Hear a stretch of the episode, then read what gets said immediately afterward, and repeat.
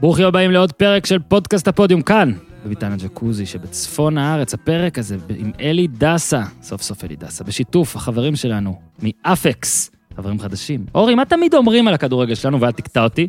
תמיד אצלנו טקטיקה, טקטיקה, מאמני נוער שרוצים רק לנצח, לא אתה. אנשים שמתרכזים בטבלה במקום בדברים אחרים, ואז אתה מגיע לגיל בוגרים ונבחרת ולא הולך, ומה תמיד אומרים? אין יסודות. אז הנה אפקס מנסים לשנות בדיוק את הפן הזה. עם תכנים והשראה ממרכזי מצוינות בגרמניה, ציוד מברצלונה, קבלו את אימוני המומחים המיוחדים של אפקס, פיתוח יכולות אישיות בכדורגל. עם החבר'ה של אפקס, תקבלו, הילד שלכם שמשחק, תקבלו למעשה שלושה מאמנים מומחים בתחומים שונים. באימון אחד יעבדו איתכם גם, אחד, הצד הפיזיולוגי, צעד ראשון, כוח מתפרץ, כאן בדיוק תשתפרו בתחומים האלה. שתיים, טכניקה, מהירות תגובה, קואורדינציה, טכנולוגיה, מוח ורגל. מי המומחה בתחנה, אז אתם שואלים? קציצה היקר והידוע מהפודקאסט. אה, בנוסף להיותו אה, עוזר מאמן עכשיו ברמת השרון, ברכות קציצה, הבן אדם גם שועל ומומחה בכל התחומים האלה של קואורדינציה וטכניקה, ובתחנה השלישית, שחקן עבר, אה, זה יכול להיות בנאדו, יוסי שבחון, מאור מאמן כושר מחלקת נוער מאתלטיקו מדריד, עופר דורון מאמן הכושר של הפועל תל אביב, עם תואר שלי בווינגייט. בקיצור, שלושה מומחים באימון אחד. אחת לכמה אימונים ייערך לשחקן מבדק, לבחון את ההתפתחות. אה, גם שם התוצאות מדהימות, איך שרואים את הילד שלכם, מתי הוא משתפר, כמה הוא משתפר, במה הוא צריך להשתפר. באפקס לא עובדים על עיוור, הכל לפי נתונים והערכות יכולות. אה, מי שיירשם ונרשמים זה משנתון, הנה אורי אוהב את זה, משנתון 2002 עד שנתון 2011. אה, מי שיירשם יזכה גם למפגשים קבועים, אנליסט אישי שינתח את האימונים עבורו, וידאו, יכולות, מה שצריך, וגם אה, מאמן מנטלי אישי, על זה נרחיב אה, בהמשך. בקיצור, אפקס ייתנו לשחקן, לילד שלכם, את כל האקסטרות שכדורגלן מודרני צריך. יחס חניכה של ארבעה עד שישה כדי שבאמת יהיה אפשר לעבוד ולהשתפר. אל תחכו, זה הזמן, במיוחד עכשיו, כשבגילאים האלה אין ליגות או יש ספק, אתם צריכים לפרוץ קדימה, שהילד, שהבן שלכם יפתח פער על פני הקולגות. צרו קשר היום בטלפון 054-943-9430, 054-943-9430, או חפשו אפקס בפייסבוק, חשוב מאוד, AFEX, אפקס, AFEX בפייסבוק, או afex.co.il באתר, וכן, חבר'ה שבאים דרכנו, דרך הפודיום לסניפים בתל אביב, בירושלים, כל מי שמגיע דרך הפודיום מקבל אימון ניסיון בחינם. אז יאללה, לכו להשתפר עם אפקס. אה, הפרקים שעלו איתי, אנשים יצטרכו לבדוק בפיד, לדרג וכל הדברים. אה, עולים הרבה מאוד דברים השבוע ובשבוע שעבר, דברים שאתם צריכים להאזין להם וגם לפעמים לקחת את הזמן. אז הנה, אה, עכשיו אלי דסה כבר יושב בארנהם שבהולנד, אורי אוזן בתל אביב, ואני מצפון הארץ, גוער בך איתי. תן בראש! כן, extra, extra large, מה special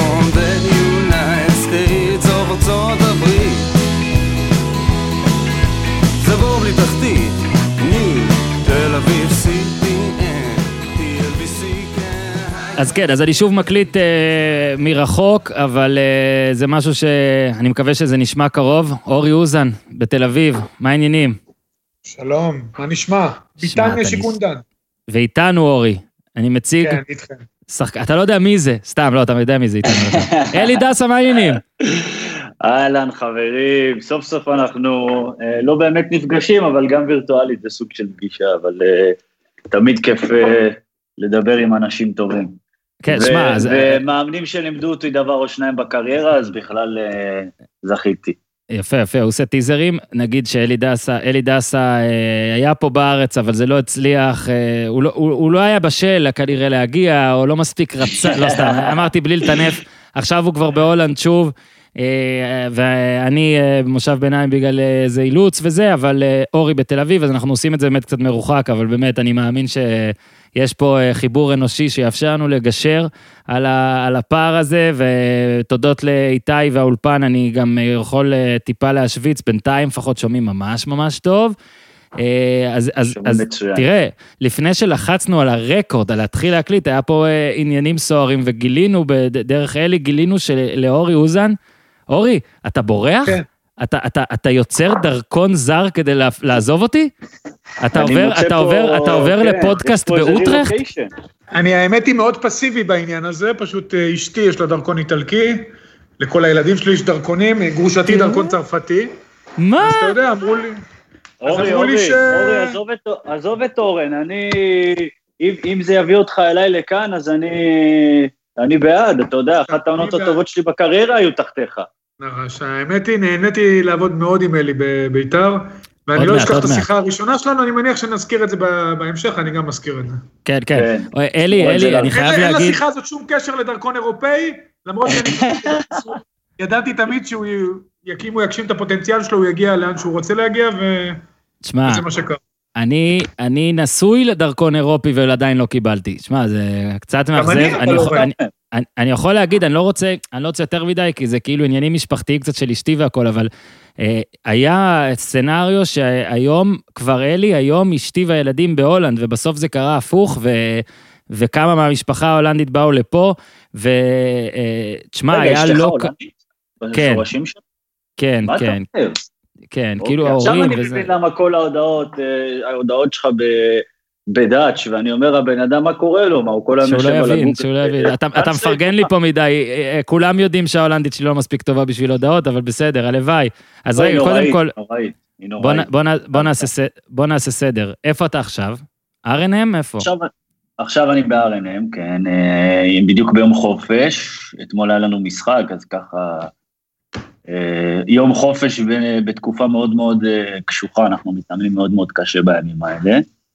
אה, אבל אורי פה, אורי פה לאשר אותי שאין כיף כמו תחילת עונה, זאת אומרת, האימונים האינטנסיביים האלה והקשים האלה, שאתה לא יכול ללכת ימים שלמים, אבל זה מחזיק אותך, זה מה שבסוף קובע את כל העונה שלך. מסכים איתך, אלי, אבל זהו, הרמת לבולה, יש לי שאלה, אתה לא עשית את ההכנה הקודמת בויטס, הגעת בספטמבר.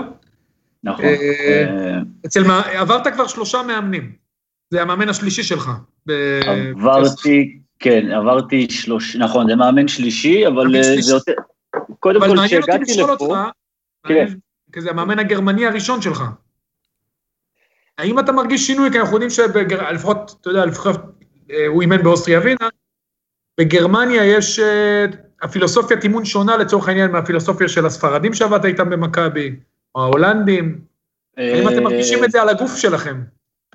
כן, בוא נגיד ככה, כשהגעתי לפה, אה, היה פה מאמן אה, ענק, כאילו שם אה, באמת עולמי, אני מתאר לעצמי שאתם מכירים אותו, ליאוניד סלוצקי, היה מאמן נבחרת רוסיה, ומאמן נבחרת צסקה, שזה היה עוד, כן, כן, הוא כמובן דיבר עם ביברס לפני שהגעתי, ואני וביברס היינו בקשרים מאוד טובים, והוא סיפר לי עליו והכל. אבל לשאלתך, אני חושב שגם היום הגרמנים באיזשהו מקום, אה, הם כבר לא ה old school שכולם, ה mindset שלהם מאוד השתנה, הכדורגל שלהם מאוד אטרקטיבי, אבל גם מאוד אגרסיבי. אתה יכול להרגיש את זה באמת בדרישות הגבוהות באימון, שזה... אני יכול לומר לך לצורך העניין שכשהגעתי לכאן, הקצב בשבועיים הראשונים, אני, זאת אומרת, אתה מכיר אותי אורי, אני כאילו נחשב שחקן אה, עם כושר גופני די טוב וכולי וכולי, אבל שבועיים ראשונים מצאתי את עצמי באימונים הקלים שלהם לא מצליח לנשום, לא מצליח לנשום, רק מחכה להפסקת מים ללכת לקחת איזה שלוק קטן, אבל פתאום עכשיו שהגיע מגן, אה, מאמן גרמני, אתה פתאום מרגיש איך הרמה אפילו עוד יותר עלתה. ואין לקחת אה, רגעים של הפסקה תוך כדי משחק או אימון, תמיד קצב גבוה, תמיד דורשים לדחוף קדימה, רוצים לתקל שחקנים, אין דבר כזה לעמוד מול שחקן ולחכות שהוא יעשה את הפעולה, אה, אבל אני מאוד מאוד מתחבר לזה, כי זה משהו שיכול אה, לקחת אותי צעד אחד קדימה, ואני מאמין שאנחנו עוד נדבר בהמשך על כל הדברים, אבל זה, זו אחת הסיבות המרכזיות שחיפשתי את המעבר הזה לחו"ל, בין אם יצליח ובין אם לא. כן, אה, עוד שאלה, אתה בסך הכל במכבי עבדת במשך שנים מאמנים ישראלים, עם מאמנים זרים. האם, אה, אתה יודע, כמה, כמה השוני גדול, האם יש השפעה גם למזג האוויר שהוא קצת יותר נוח? אתה מדבר על ההכנה, הקצב, אורך האימונים. תשמע, אני, אני מאמין קודם כל ש... קודם כל מנטליות של מאמן זר, שזה יתרון אדיר אם אתה...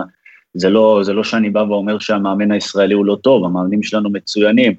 אבל uh, גם אתה היית שחקן ואתה חי את המגרש ואתה חי את הכדורגל והשחקן הישראלי, ואתה יודע טוב מאוד שקל uh, מאוד, uh, מה שנקרא, לזרוק באימונים, ואם יום אחד לא בא לך או כן בא לך, אתה פשוט תתאמן איך שאתה רוצה, אם אתה שחקן עם קצת מעמד, אז לא משנה איך אתה תראה, אתה גם תשחק בשבת.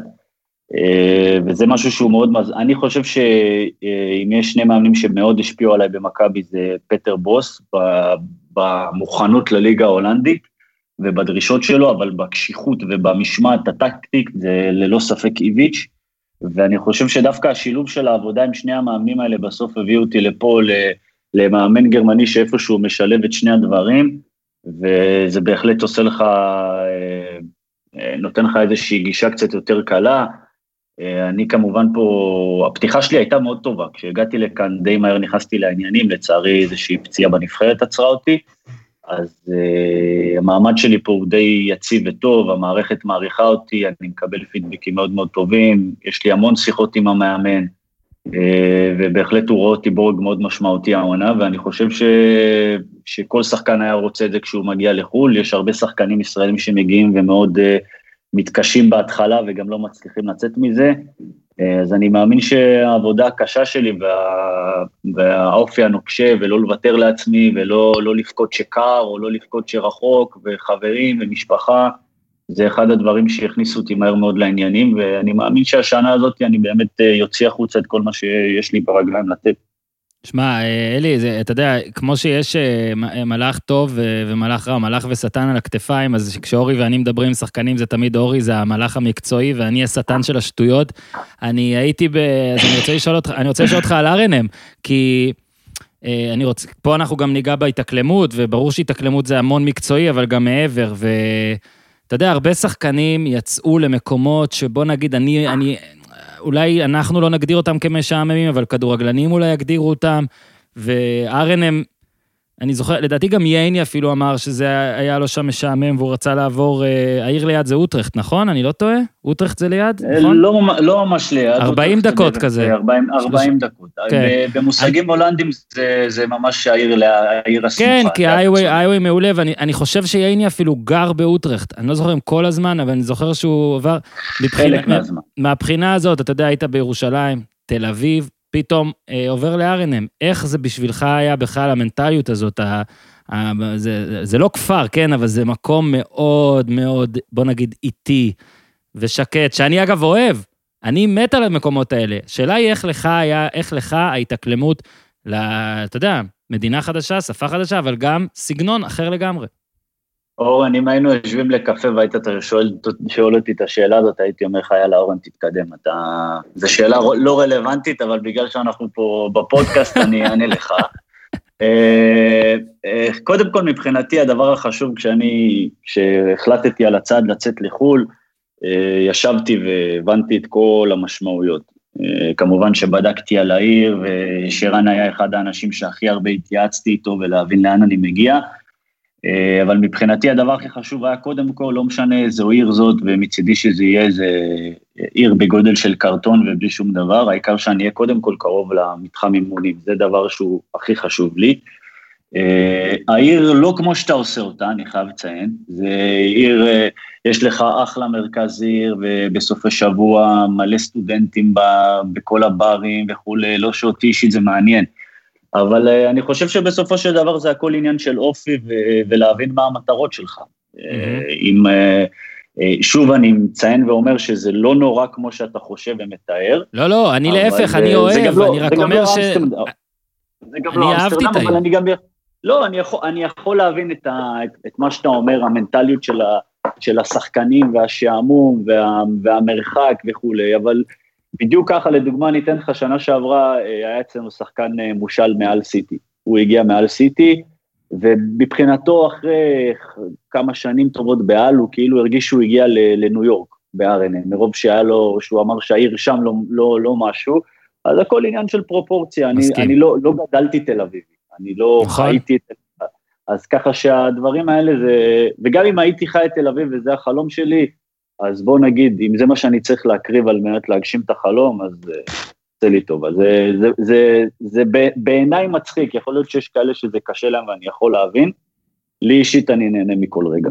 כן, יש כדורגלנים שאנחנו מכירים, אה, יש כדורגלנים ששלושתנו מכירים שאומרים שפלרמו זה משעמם, אז בסדר, אתה יודע איך זה, הכל זה, כן. הכל זה תלוי בשחקן עצמו. אני שאלתי כי אני זוכר, אני לא זוכר אם זה היה ייני, כי היו שם כבר כמה ישראלים שעברו, שאמר שהארנם קצת משעממת. אני אה, הייתי שם כמה פעמים, מספר לך, אה, לא יודע אם סיפרתי לכם את זה, אבל הייתי כמה פעמים, ונהניתי, כולל, אה, אגב, אור יודע, כי כשנפגשתי עם, אה, עם מו הלך, זה היה עוד אז, אז נכון. אה, כן, זה היה שם? כן, כן, כן. אז במתחם אימונים והכל, אפילו סלוצקי התפרץ לי לפודקאסט, הקלטתי פודקאסט מהחדר מה מסיבות עיתונאים, ואז הוא בא, חדר תדרוכים, נכון? יש לכם שם בקומה הראשונה חדר תדרוכים כזה. נכון, נכון, נכון. אז, אז אה, הקלטתי, כמו, יפה, אגב, לא כמו שאני. מקליט עכשיו, כמו שאני מקליט עכשיו, הקלטתי פרק עם אורי, אה, ואז פתאום, בן אדם נכנס, ואני רואה, מסמנים לי ששחקנים עומדים להיכנס, ופתאום סלוצקי נכנס לחדר, אני, אני תוך שנייה הייתי חייב לקפל הכל, לקפל הכל, הקלטתי פודקאסט לא- בזק, אז אני יכול להבטיח לך שהוא לא היה כועס ולא מפריע, זה, זה בן אדם הכי, הכי חיובי והכי מצחיק פחדתי ממנו,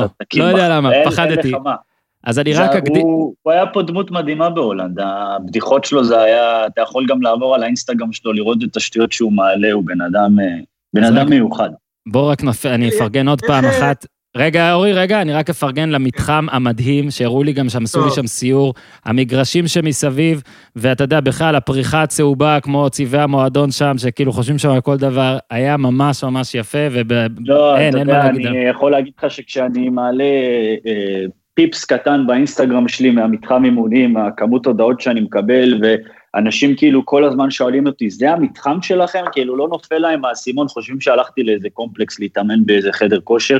אני זוכר שפטר בוס היה בזמנו במכבי, אה, שאלנו אותו כאילו מה דעתו על, ה, על המתחם אימונים ב, ב, של, שלנו, כאילו בקריית שלום. ואני זוכר שהתגובה שלו הייתה כאילו כזאת, כן, כאילו בסדר, כי תשמעו, אני...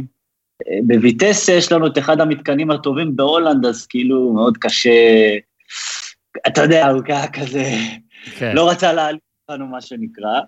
אה, ובאמת כשהגעתי לפה הבנתי את זה, וזה פשוט מדהים, מדהים, מתחם של ארבע קומות ענק, יש לך הכל מהכל. אני אישית אה, מבזבז שם, אה, מבזבז במרכאות, כן? נהנה שם ומתענג על המקום קרוב לשמונה, תשע שעות ביום. אורי, אתה מכין קפה? לא, לא, לא, יש פה... הכל בסדר. אגב. אצל אורי קורים הדברים מעניינים. רצית לשאול משהו שאני מתקדם, אורי? אה, כן, רציתי לשאול, אה, קודם כל, איך אה, נולד המעבר? כי אתה הלכת באיזשהו מקום, התעקשת לעבור, והעונה מתחילה, וספטמבר, אתה יודע, תחילת ספטמבר, ודברים לא זזים. אתה יודע, איך זה קרה מור וגידים? האם אתה שם לבד, ואם כן, אז, אתה יודע, זה לא פשוט, הרבה, הרבה נשברים. אה, בכל זאת, הייתה לך הצעה ממכבי תל אביב, זה מועדון בסדר גודל הנה, פיטר בוס הגיע למכבי תל אביב מויטסה, זאת אומרת, הלכת עם זה עד הסוף, לא היה איזה שלבים שאמרת, טוב, אני מפספס אולי, אני אעשה פניית פרסה ואני אחזור למכבי? קודם כל, אה, נראה לי, אני אספר לכם שנראה לי שנוצרה איזה נישה חדשה בכדורגל, איזה תפקיד חדש שנהיה לי, המומחה לענייני שחקנים ללא קבוצה, וכבר בקיץ הזה, הכמות פעמים, אני לא, לא, לא, לא אגיד שמות, אבל כמות השחקנים שהגיעו אליי ושלחו לי הודעות ודיברו איתי ומתייעצים איתי יום-יום, אה, על מה עשיתי ואיך שרדתי במנטלי, מבחינת אימונים, מה הייתה השגרה, כולם רוצים להעתיק את מה שעשיתי בשנה שעברה, כי אה, אני, אני חושב שבאיזשהו מקום זה נתן לאנשים תקווה, זאת אומרת, הם, הם פונים אליי גם כשהם כבר החליטו אה, לצאת למסע הזה של ללא קבוצה, אה, וגם לפני כן, שזה רגע אחד בין להחליט לחתום במקום שנמצאים או, או להמשיך קדימה, כי זה נתן לאנשים איזושהי אמונה שאם אתה באמת תעשה את הדברים נכון ותאמין במה שאתה חושב ש, שאתה צריך לעשות, ומה, ואיפה שהלב שלך מרגיש שהוא צריך להיות, אז אה, זה באמת אה, אפשר אה, להגשים את זה. להגיד לך שלא היו רגעים קשים, אין ספק, אין מישהו שאוהב לשבת חמישה חודשים בבית, אבל uh, אני יכול להגיד לך שקודם כל התברכתי בחב... זה לא, זה לא משהו שאתה יכול להגיד הרבה על הכדורגל, אבל התברכתי בחב... בחברי אמת מתוך הכדורגל, אם זה טל בן חיים, החלוץ, שמ-day one היה בשבילי שם כל יום, היו לנו שיחות של שעתיים ושלוש, שהבן אדם לא הפסיק לתמוך בי ולהראות לי ולעזור לי, ואני אפילו לא, אין, לא מוצא את המילים בכלל לבוא ולהגיד לכם מה הוא עשה, מה הוא עשה בשבילי, אם זה דור מיכה וכולי, שדור, אני, אורן, אתה יודע כמה הוא חבר קרוב שלי, אה, וזה לא פשוט, שמע, בסופו של דבר זה לא שקיבלתי הצעה ממכבי ביוני וזהו, זה תהליך מאוד ארוך של בערך שנתיים. המשא ומתן שלי עם מכבי התנהל במשך שנתיים, אבל uh, זה פשוט לא זה, יום אחד פשוט, אורי, אני יכול להגיד לך מכל הלב, אמיתי, אולי זה נשמע uh, קלישאתי או מה שזה לא יהיה, יום אחד באמת על אמת, לא בכאילו ולא לא כדימוי. הלכתי למול, אל מול המראה, הסתכלתי על עצמי בבית, אמרתי, אלי, אם אתה תחתום במכבי, זאת אומרת, בישראל, בוא נגיד את זה ככה, כדי שהנקודה תובהר יותר נכון, אם אתה תחתום כרגע בישראל לשלוש או ארבע שנים, הלב שלך יהיה שלם, אתה תרגיש שעשית הכל בקריירה, ברגע שהתשובה שלי הייתה לא, אני ידעתי שעד הרגע האחרון וגם אחריו, אני אעשה הכל על מנת לצאת לחו"ל. אבל לצאת לחו"ל למקום שבאמת מתאים לי, לא כל מקום שיגיע. ואני חושב שלא הרבה אנשים יודעים, וכל אחד אוהב לנתח ולהיכנס לך לכיס ולהיכנס לך למקצועי, ומה לא לעשות, ואיזה הימור אתה לוקח, ומה אתה נורמלי, ומה, ופה ושם, אבל בסוף זה אתה עם עצמך בלילה, וזה הדבר הכי חשוב. אה, והיו הרבה הצעות בדרך מכל מיני קבוצות, מכל מיני ליגות, ש... שכן, בהסתכלות לאחור אני יכול להגיד לכם, תקשיבו, אני סוג של מטורף, זה, זה, זה, זה לא צחוק לעשות דבר כזה, וזה לא צחוק אה, במרכאות להתעסק עם דבר כזה. אה, אבל אני, אני היום מבין ויודע כמה, כמה אמונה בעצמך ובדרך היא חשובה. וגם צריך להגיד, מי שתמך בך מאוד זה הצוות האוסטרי, שלמרות שלא הייתה קבוצה, זה, זה, זה, זה תקופה באמת, אה, אנדי הרצוג זה היה בשבילי, ועד היום כמובן שאנחנו בקשר אה, שבועי אפשר לומר. כן, יכול להיות שאולי זה לא, זה קצת לא פייר לבוא ולתת אה, עצה למישהו שאולי לא היה במעמד שלי נכון לעכשיו, כי יש שחקנים שמגיעים למעמד הזה, לסיטואציה הזו, אבל אה, זה לא שיש להם מכבי תל אביב ביד והם בוחרים להגיד לא, וזה כל ההבדל.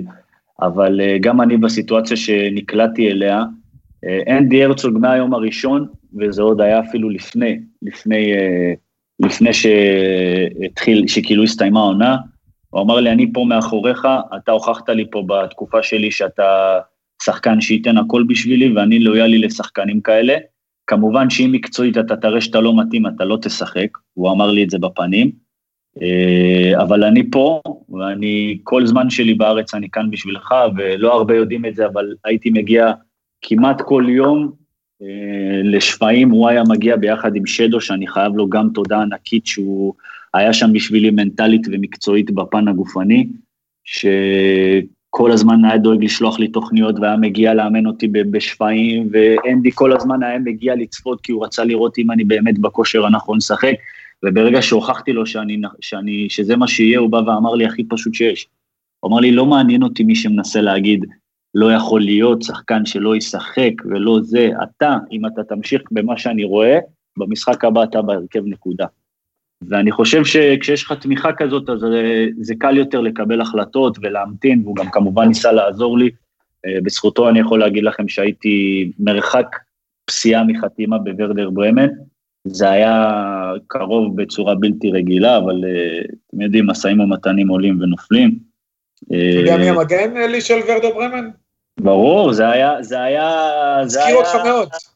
זה, אנחנו גם מאותה, מאותו מוצא, וכאילו נכון. היה שם עוד... אה, זה היה משהו מאוד כזה, כן. אבל אה, שוב, אני, אני מאמין שאני בסוף במקום שהוא הרבה יותר טוב עבורי. אה, כמובן, בהסתכלות בדיעבד, העונה שלהם הייתה לא טובה. אני גם לא יודע כמה הייתי משחק, ואם היום אני יכול להיות אמיתי ולא, ולבוא ולומר, שהיום אני יודע להגיד שקפיצה מליגה ישראלית לבונדסליגה היא כמעט לא אפשרית. היא לא ריאלית, ואני לא יודע כמה שחקנים באמת, אה, כמה שחקנים יודו בזה, או כמה שחקנים יהיו מוכנים להגיד אה, אה, שהם לא מוכנים לבונדסליגה, אבל אם אתה שואל אותי, אין שחקן ישראלי היום שיכול לעבור מישראל לבונדסליגה ולהצליח מיד. זה, זה אני לא יכול לומר, אחרי כן, שאני אנחנו... נמצא כאן באירופה. אתה יודע, אנחנו מדברים עכשיו גם על, ה... על כל העניין של קליטה בויטסה ועל הרצון להיות בחו"ל במקום באמת שהוא, כמו שאמרת, לא, לא ישאיר לך ספקות אחרי זה להאם עשית את הצעד הנכון. צריך גם להיות פה, ללכת עוד קצת אחורה, אה, ולהגיד שאתה הימרת על עצמך. אתה הימרת על עצמך, אתה, היו דיבורים על החוזה שלך עוד מהעונה האחרונה במכבי תל אביב, אה, והיו דיבורים על אה, מי, מי, מי הוא חושב, מי חושב שהוא, כאילו, כמה כסף הוא רוצה, זה עזוב, מספרים פחות מעניין אותי, אבל העובדה של בן אדם... אין לי בעיה, אנחנו יכולים להיכנס למספרים, לא, אנחנו ניכנס, אנחנו ניכנס לכל מה שאתה מוכן לשתף, כי זה ממש מרתק, כל העניין, היו שם חודשים, שמע, אה, כל אחד יודע קצת דברים. אני הבטחתי לך שאני פתוח איתך עד הסוף הפעם, נכון? אני רוצה, אז הנה, אז אני רוצה באמת לשאול אם אתה יכול ללוות אותנו בראש שלך כמה שיותר מהתהליך הזה, כי זה היה תהליך ארוך, אתה לא... הנה, אני משתמש במונח הזה, לא נשברת. אתה הימרת על עצמך בשלב מסוים, היית, אה, הרי בלי חוזה, עזוב שיש הצעות, הצעות זה טוב ויפה, אני מאחל לך שכל החיים יהיו הצעות, אבל כמו שאמרת, הצעות זה הצעות, משא ומתן זה טוב ויפה. יכול היה גם להיות ששמונה חודשים עכשיו לא תשתכר. אתה באת והימרת על עצמך ואמרת, הסכום הזה X הוא לא מספיק טוב לי, אני צריך לקבל יותר, אני צריך אולי לנסות אפילו חו"ל, בוא תשתף אותנו ב... לא יודע, חצי שנה הזו לפחות. אני, זה, אז אני אקח אותך לא חצי שנה, אני אקח אותך מהקיץ שעבר, זאת אומרת, אני אקח אותך מהקיץ שעבר אפילו שנה וחצי אחורה. שנה וחצי אחורה, אה, כשג'ורדי קרויף הוא המאמן, ומכבש לחצים מטורף, מטורף מכל המערכת, לחתום על החוזה, שאני שנה וחצי לסיום. זאת אומרת, יש עוד זמן, אני יכול לקחת את הזמן והכל בסדר. אה, אחת ליום אולי שיחות של אה, אחרי כל אימון, אולי שעה, שעה וחצי עם ג'ורדי קרויף על המגרש, ואני בטוח שאתה מכיר אותו מהמם. לא מעט, והבן אדם הוא כוח שכנוע מדהים. והוא ישב עליי וישב עליי ואמר לי ואלי, ותבטיח את העתיד שלך, ותראה איזה חוזה אתה מקבל, ואתה, והמשפחה שלך, ותראה, ופציעות, ומה לא, כדי להציג לך את התמונה עד כמה אתה חייב לקחת ולחתום. אבל, אה, ואחרי זה, אחרי שאנחנו דיברנו, הייתה את הפגישה הרשמית והראשונה עם בן מנספורד. אה, הדרישה, השיקול שלי, הוא לא היה כלכלי. הוא לא היה כלכלי, וכשאני באתי לבן מנספורד ואמרתי לו, אני רוצה איקס כסף, אמרתי לו, אני הולך להגיד לך, ואמרתי לו את זה בפנים, אתה הולך לשמוע עכשיו מחיר שיכול להיות שאתה תיפול מהכיסא אחורה. אבל זה לא כי אני מנסה לגנוב אותך, וזה לא כי אני חושב שעכשיו אני איזה משהו לא נורמלי שלא היה, אבל אמרתי לו, אני גדלתי עם חלום, והחלום הוא להיות בחו"ל. אתה רוצה לקחת לי את החלום הזה? זה, זאת אומרת, מה זה אתה רוצה לקחת לי? זה לא שהוא, אתה יודע, זה עדיין לשחק במכבי תל אביב, שזה מועדון הכי טוב בארץ, אבל אמרתי לו, אם אתה לוקח לי את החלום הזה, החלום הזה בעיני אלי, הוא שווה הרבה מאוד כסף. לוותר עליו. הרי בסופו של דבר, עוד חמש, שש, שבע שנים, כשאני אפרוש, ואני אסתכל אחורה ואסתכל לעצמי ואגיד, אתה, אם אתה לא שיחקת בחו"ל, לא מיצית את הקריירה עד הסוף, אני לא רוצה להגיע למקום הזה שאני יושב ובוכה בסוף הקריירה שלא עשיתי את זה. אבל אם לא עשיתי את זה, לפחות שאני אדע שקיבלתי כסף בטון לכל החיים ואני מסודר והכל בסדר, ולפחות זה. אבל כל מי שיש לו הבנה פשוטה בכדורגל יודע שיציאה לאירופה גם במחיר של פחות כסף, ראה בסוגריים מקרה שון וייסמן, שווה לך בטווח הארוך הרבה, הרבה, הרבה, הרבה יותר ממה שתעשה אי פעם בכדורגל הישראלי. ואני חושב ש, שזה היה שיקול נכון עבורי, uh, המשא ומתן היה עיקש, בן מנספורד באמת כמעט נפל מהכיסא כשאמרתי לו את המחיר, ומשם היה איזשהו טווח שקט uh, מאוד מאוד ארוך, עד שנכנסנו לעונה הבאה. Uh, והדברים התחילו להתחדש בינואר של העונה האחרונה, כש... בשיקטש הייתה על השולחן והעסקה הזאת הייתה כבר סגורה ו... והם כבר נתנו הצעה למכבי של חצי מיליון יורו על העברה בינואר, ארבעה חודשים לסיום החוזה.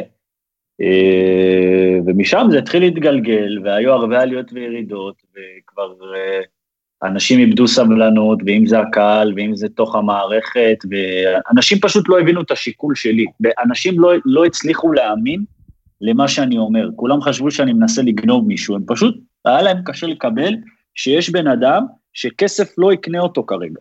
לא המחירים שאתם רוצים להביא. כן, כאילו כסף כן יקנה אותו כרגע, ואתה מציג את זה במונח של כסף, זה כאילו, זה מה שיגרום לי לוותר על החלום.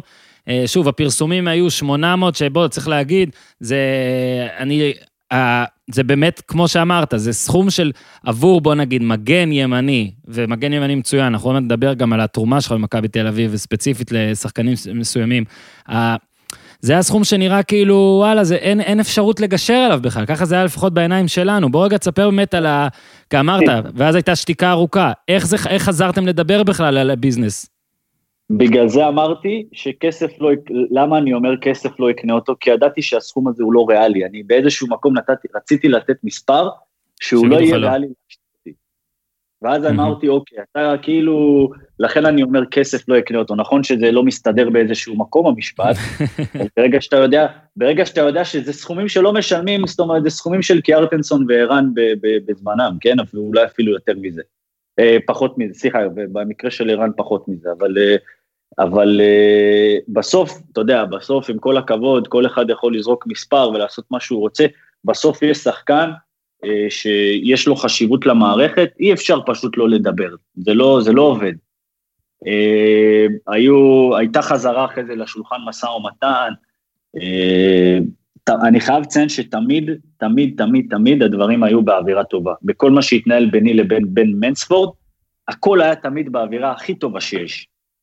כמה שזה לא ניסה להצטייר כלפי חוץ, ואיך שזה הצטייר וכולי, הכל היה, הכל היה באמת אה, על השולחן כמו שצריך, ואז הגיע איביץ', הגיע איביץ', ואיביץ', אה, כמו שאתם יודעים, הוא, הוא היה האיש ששולט במערכת על כל המחלקות שלה, לא, אה, לא משנה מה, איביץ' שלט במכבי תל אביב ומה שהוא רצה היה, אה, והוא היה בגב שלי. הוא, הוא, אני קצת היה לי חששות לעונה האחרונה, מה יקרה מבחינת תשחק או לא תשחק. זה, זה, זאת הייתה ההתלבטות שלי מה, מה לעשות בסיפור הזה, כי אמרתי עם כל הכבוד, אני לא, לא רוצה להגיע למצב שאני מגיע עם מכבי תל אביב למקום של אתה תעלה ליציע או לא, אבל ליביץ' הכניס אותי לחדר ואמר לי, אלי, אני איש מאוד ישר, מבחינתי לא מעניין אותי מה, מה, מה המועדון יגיד או לא יגיד, אם אתה טוב, אתה משחק, ולא אכפת לי חוזה או לא חוזה, ויותר מזה, אתה שחקן מבחינתי אחד החשובים לי למערכת, ואני אעשה הכל כדי שיחתים אותך על מה שיעשה אותך מרוצה. אבל אני באתי ותמיד הייתי איתו אה, כן, ואמרתי לו, זה המצב, אה, ולאדן, אני קואוצ' כמובן, אף אחד לא קורא לו ולאדן. אה, זה קצת מפחיד להגיד לו, לקרוא לו בשם, אתה לא יודע מה אתה תקבל. זה, הוא אמר לי, הוא אמר לי, אני מבין אותך, ואני בחיים לא אתערב לך בשיקולים, רק שתדע שאני רוצה אותך פה, ומה שאתה תחליט אתה תעשה. זהו, היה, ו... היה אבל. כן, היה אבל כן איזה יום, אני חושב שזה גם פורסם, אני לא זוכר איפה, שכאילו כבר היה הרגשה שכן סוכם חוזה, כמובן אולי לא במה שביקשת, אבל בסכום מאוד מאוד גבוה ויפה, בטח שוב לשחקן הגנה בישראל. כבר הייתה הרגשה של סיכום, ואז פתאום שוב פיצוץ. אם אתה יכול רגע להסביר מה היה אז, מה, מה יצא, מה אמיתי. זה היה, זה היה ב... כבר נגמרה העונה בשלב הזה. כן, זה היה בקיץ. יולי. כן, זה היה בקיץ. זה היה בקיץ, כן.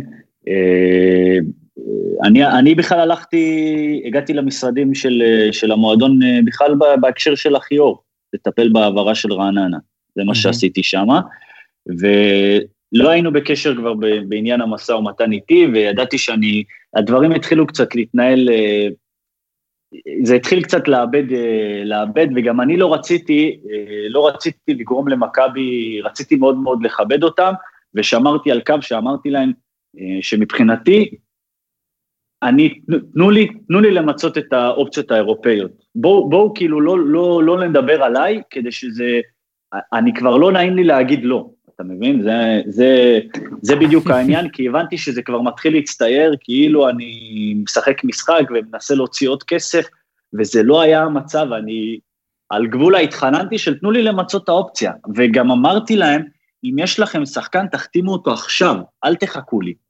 אל תחכו לי, הייתם איתי פיירים עד עכשיו, אתם תעשו הכל, אני אכבד את הכל, אבל, אבל אני כרגע לא במקום שאני רוצה להישאר עוד בישראל. לא, אני לא רוצה להישאר במכבי כי זה מועדון לא טוב. זה, זה, זה, זה היה הסיפור. והגעתי למשרדים, ישבנו לדבר על, על אורדס, היה שם קצר בתקשורת בין רעננה למכבי תל אביב, אה, בגלל איזשהו סכום, אה, סכום מאוד גבוה שכנראה שרעננה דרשה, אני חושב על אה, קייס גאנם, ואז, אה, ואז זה התפוצץ, אז מכבי לא הייתה מוכנה לדבר, אני הייתי המתווך באמצע כדי לטפל בהעברה שלו, ואיביץ' הגיע במקרה למשרדים, יודע מה, יודע מה אורן, לא יודע אם במקרה. לא במקרה, בסדר? הנה. אה, הגיע, נכנס לח... הוא נכנס לחדר, ישבנו בחדר, היי, בהתחלה היינו בחדר, אני, ברק ובן. אני, ברק ובן, הוא הגיע, וכמו איביץ' כמו איביץ', אני אמרתי לו, בדיוק חזרו מהמחנה אימונים הראשון, היה להם שני מחנות אימון, והוא נכנס, הוא, אמרתי לו, אוקיי, היי קואוצ', how are you, ובלה בלה, וכאילו, אמרתי, אוקיי, אני אפנה, אני אפנה את עצמי מהחדר, סיימתי את מה שהייתי צריך לעשות פה. הוא מסתכל עליי, הוא אומר לי, where you go? sit. אמרתי לו, אוקיי, אני מתיישב.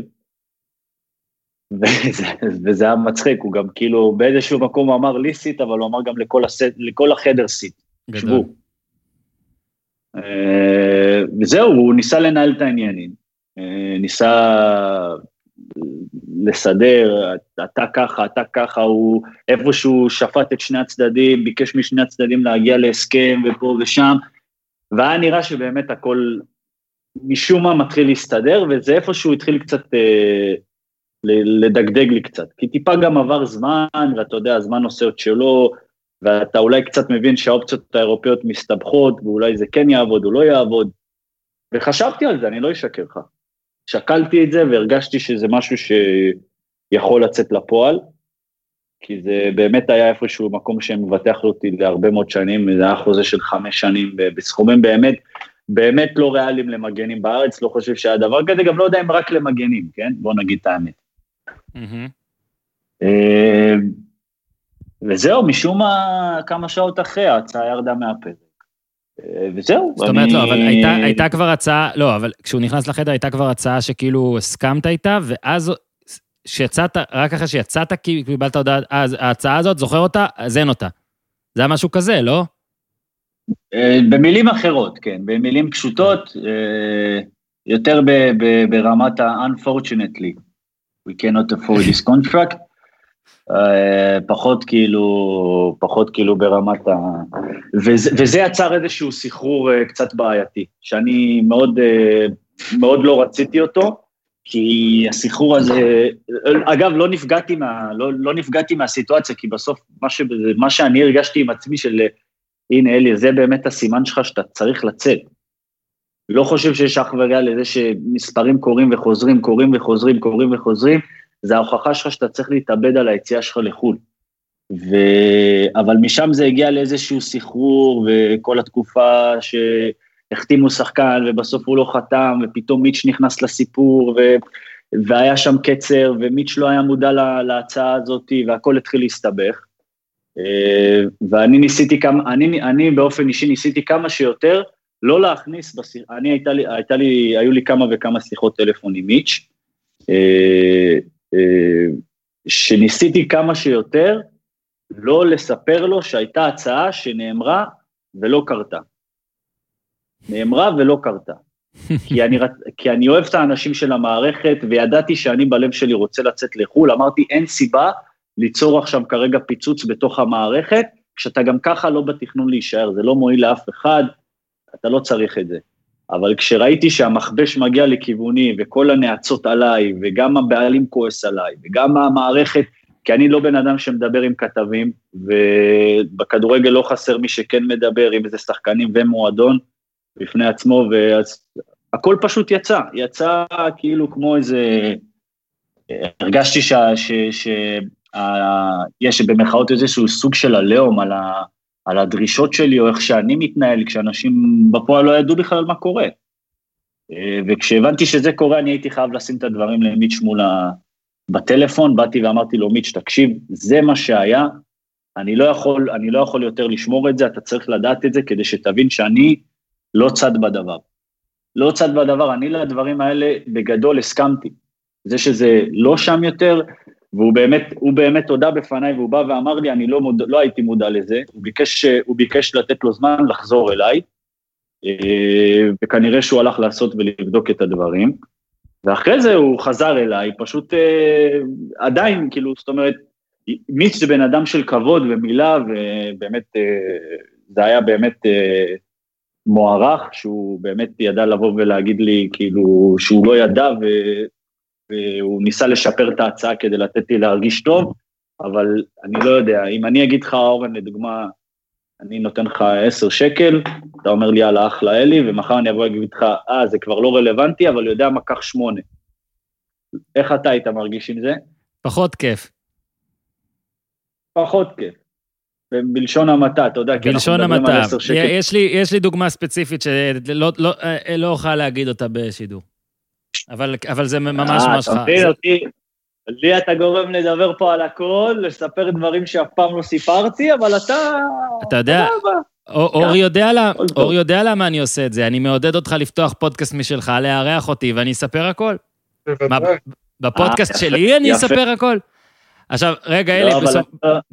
אלי, בוא, רגע, דקה, דקה, בוא נדבר על זה, בעצם על התקופה שלך במכבי תל אביב, כי הרי אתה גדלת במועדון.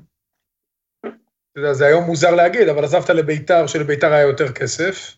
נכון, נכון. אה, תקופה מעניינת בביתר, נגיע אליה גם בהמשך, אבל הגעת למכבי תל אביב, שלוש אליפויות ברצף, הגעת עם שלומי אזולאי, ושלוש שנים, אתה יודע, אמנם עם אה, מאמנים מצוינים, וגם, אתה יודע, נשמח אם תפרט עליהם אולי, אבל עם מאמנים טובים, כולל ג'ורדי בסוף, ואין אליפות. אין, אתה יודע, זו קבוצה שזכתה באליפות, שלוש פעמים סגנות.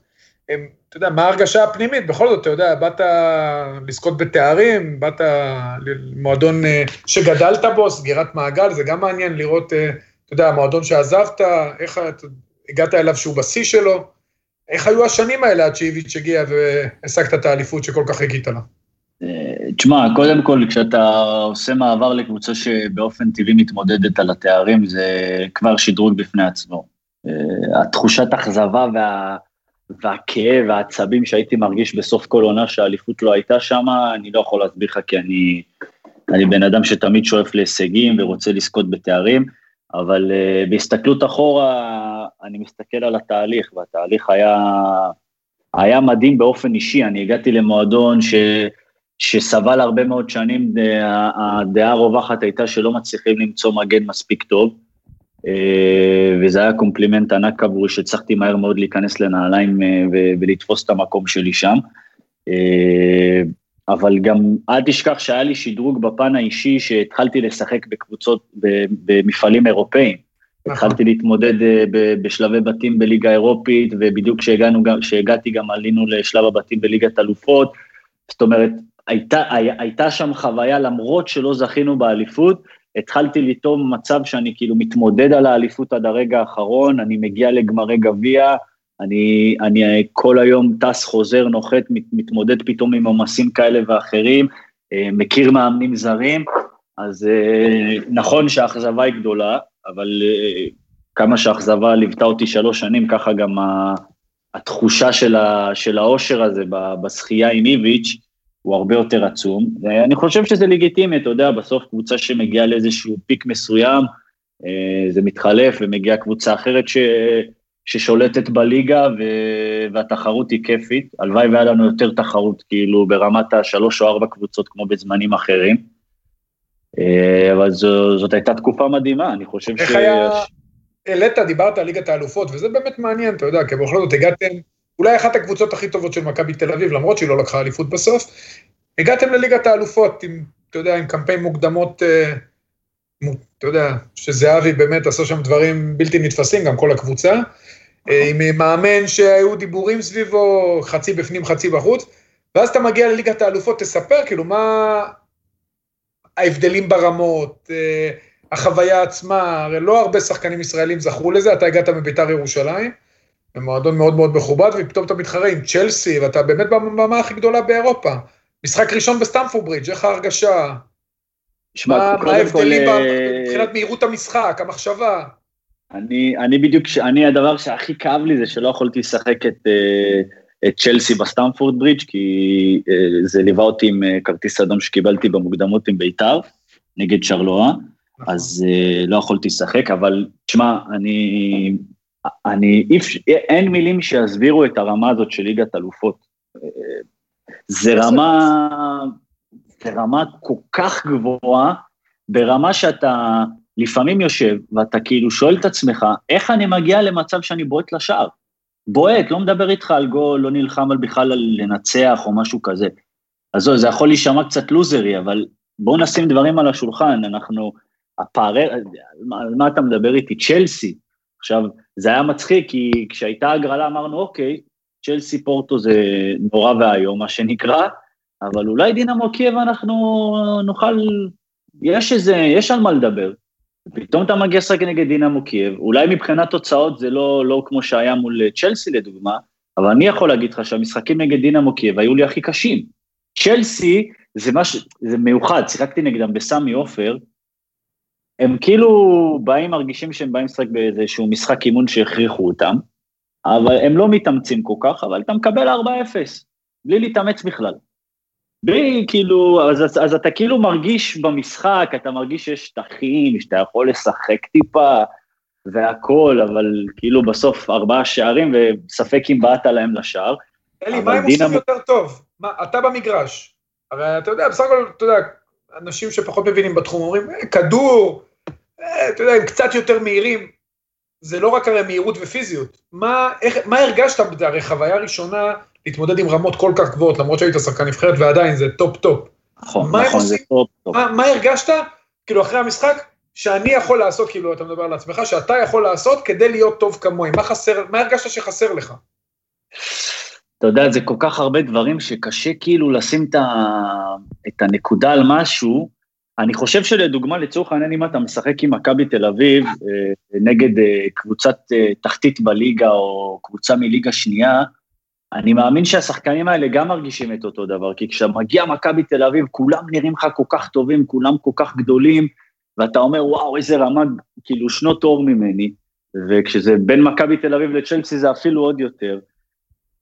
ה- היכולת שלהם עם הכדור והבנת משחק שלהם זה משהו כאילו בלתי נתפס, אתה לא מצליח להבין איך הם מגיעים לרמת חשיבה כזו גבוהה. הקצב שהם משחקים, ההבנה שלהם של המשחק, מתי כן להניע את הכדור, מתי ללכת אחד על אחד, מתי, איך כולם רודפים אחרי המגנים, איך כולם יורדים להגנה, זה, זה משהו כאילו לא, לא משהו שאתה מצליח לפרש, שאתה יכול בכלל להתחיל להסביר, הנה, לשים עליו את היד, להגיד, זה ההבדל בינינו לבינם, אתה מבין? זה בדיוק קרה לי אותה הרגשה מול צ'לסי, הייתה אפילו במרכאות יותר נוראית, במשחק של הנבחרת מול ספרד לדוגמה, שזה, שזה אחד המשחקים הכי קשים ששיחקתי בחיים שלי. אתה כאילו כל, כל רגע רק במגרש אומר, תשמע, אני כאילו, אני לא קשור למקצוע, מה קורה פה? מה, מה, מה הולך פה במגרש? מה זה השחקנים האלה? הם מתקתקים אותך מצד לצד, אתה חושב שאתה יכול לעשות עליהם לחץ, ובאיזה... אתה יודע, הצורה שהם חושבים כשאתה מנסה לתקוף אותם, זה דברים שאתה לא רגיל אליהם, אז אתה גם לא מצליח להתגונן מולם. זה עולם אחר, פשוט עולם אחר. עולם אחר, ואני שמח שאני גם נמצא פה בהולנד, כי אני, אני חווה את הדברים האלה מהקבוצות הגדולות כאן, אם זה אייקס כמובן, ופיינורד, ופסוו איינדהובן, שזה שחקנים פשוט ברמה הכי הכי גבוהה שיש. הכי גבוהה שיש. הפסקה קצרה קצרה, לספר לכם שוב על ביר בזאר. ביר בזאר מבצעים לשלוח בירות קראפט ישראליות לכל מקום בארץ, לא משנה איפה אתם גרים, אני מפנק את אורי, ללא דמי משלוח, הפרימיום של הבירות, חומרי גלם איכותיים בלבד, בישול בתנאים הטובים ביותר, המלצת היום גלגר, נסו, נסו, באמת, אחת הבירות של ביר בזאר מעולה. טעמנו זה נהדר, מגיע אליכם עד הבית, האתר כל כך מגניב, נסו בעצמכם ביר בזאר co.il, ביר בזאר co.il, או חפשו בגוגל, ביר בזאר. באתר שם יש את כל סוגי הבירות, את כל הדרכים להזמין, זה מארזים של שמונה בקבוקים או 12, הכי כיף עכשיו, אתם יודעים, רואים ספורט, אי אפשר ללכת לאיצטדיון עצמו והכל, אז, אז בואו, פשוט תשתו, כאילו, כמו שאני עשיתי בזמן השבוע, במשחקים בפיינל פור. אה, לא בטוחים מה לרכוש, הרכבתי לכם מארז שנקרא תעשו טוב, סמכו על הטעם שלי פעם אחת בחיים שלכם. אם אתם לא רוצים, כל מארז אחר גם אפשר להזמין, אתם בכל זאת, כמאזיני הפודיום, תקבלו הנחה של 10% ברגע שתקישו הפודיום. כקוד קופון, הפודיום במעמד הרכישה. אז יאללה, אורי כבר מחכה. ביר בזאר מארזים, תעשו טוב הנחה משלוח חינם. דמיינו שאורי אוזן אמר שנתון.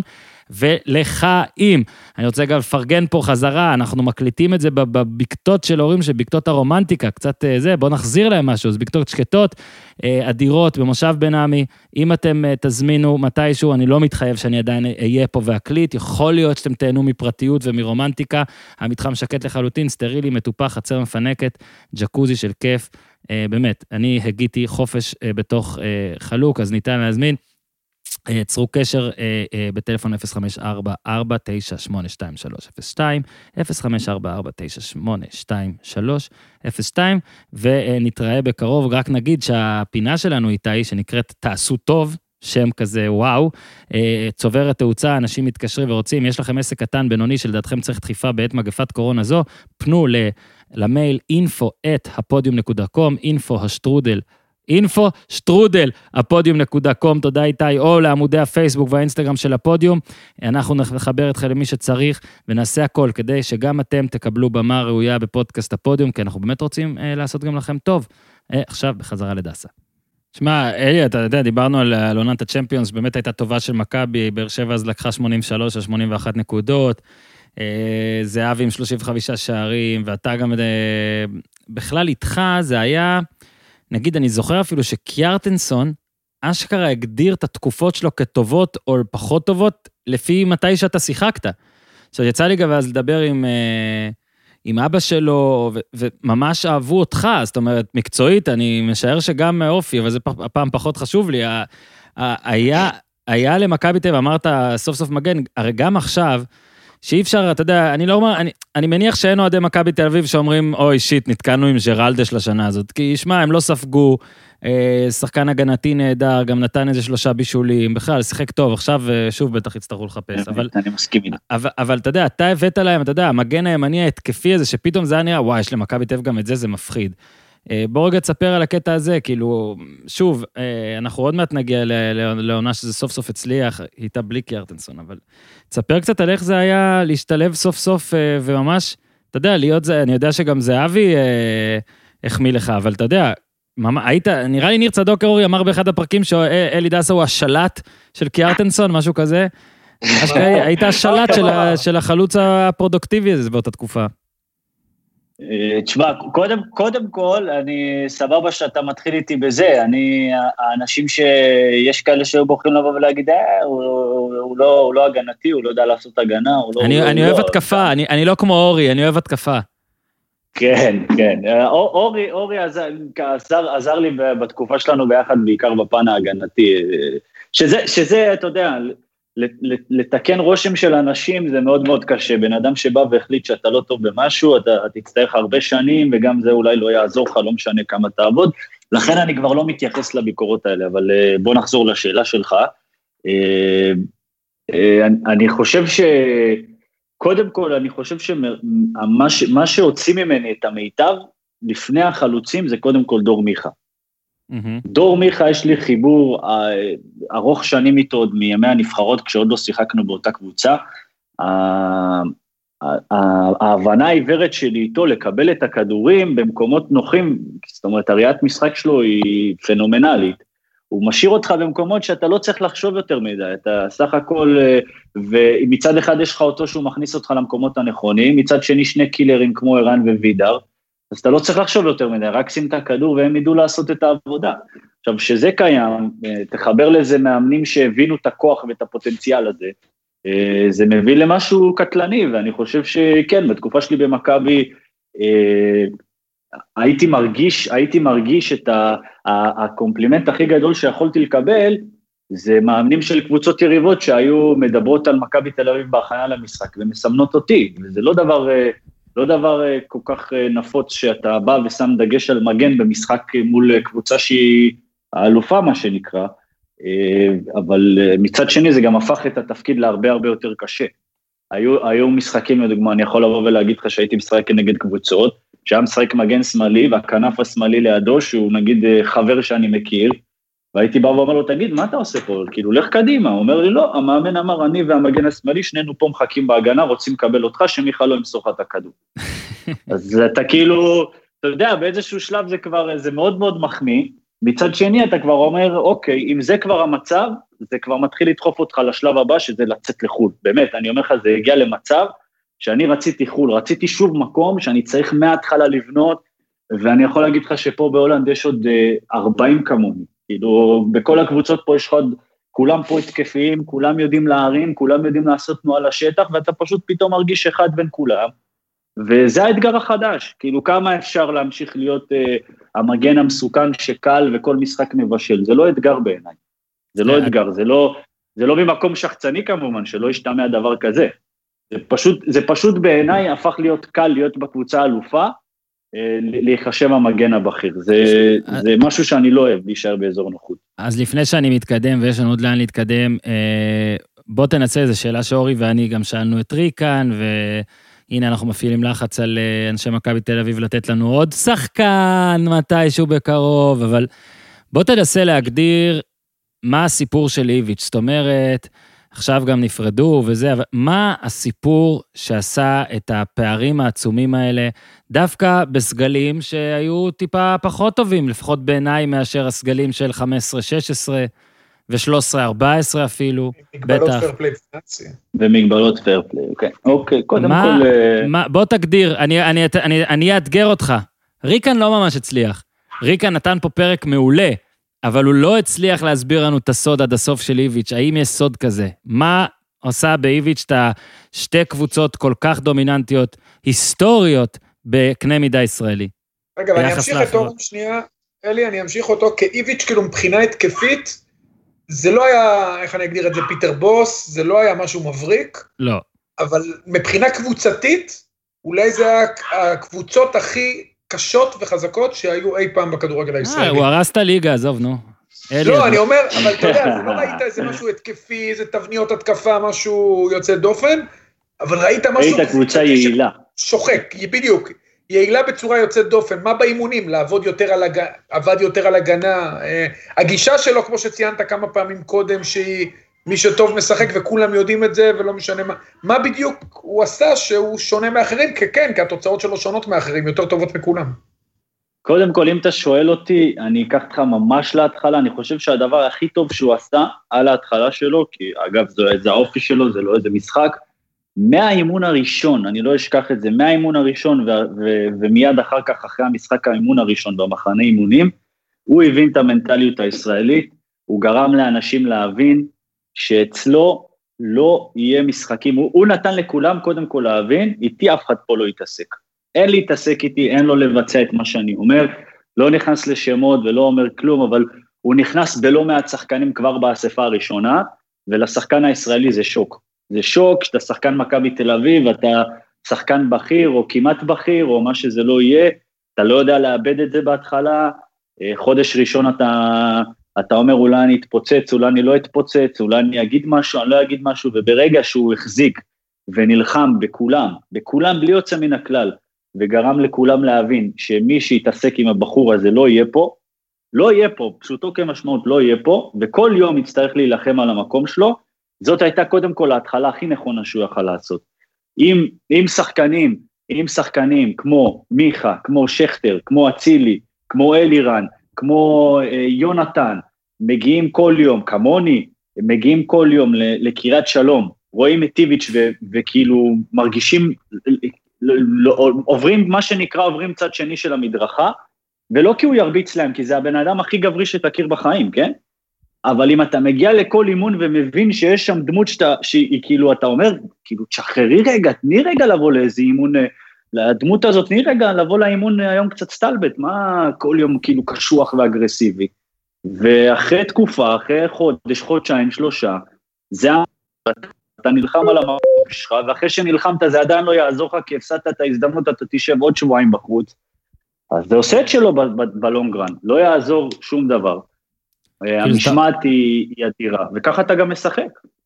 אתה יודע, ככה חייבים אתה אבל משחק, להגיד, אתה אומר, אלוהים ישמור, אני לא, לא רוצה להיות על המגרש ו, וכאילו עכשיו אה, לא לתת הכל מעצמי, כי עזוב אותי, נו, מה יש לי כוח להיות המוקד של איביץ' באספה הבאה? זה, עזוב, לא שווה לי. עדיף לי עוד שנייה רגע לתת עוד ספרינט, להילחם עוד רגע, להקיא גם על המגרש ולא להגיע לאספה שיש טוענות כלפיי.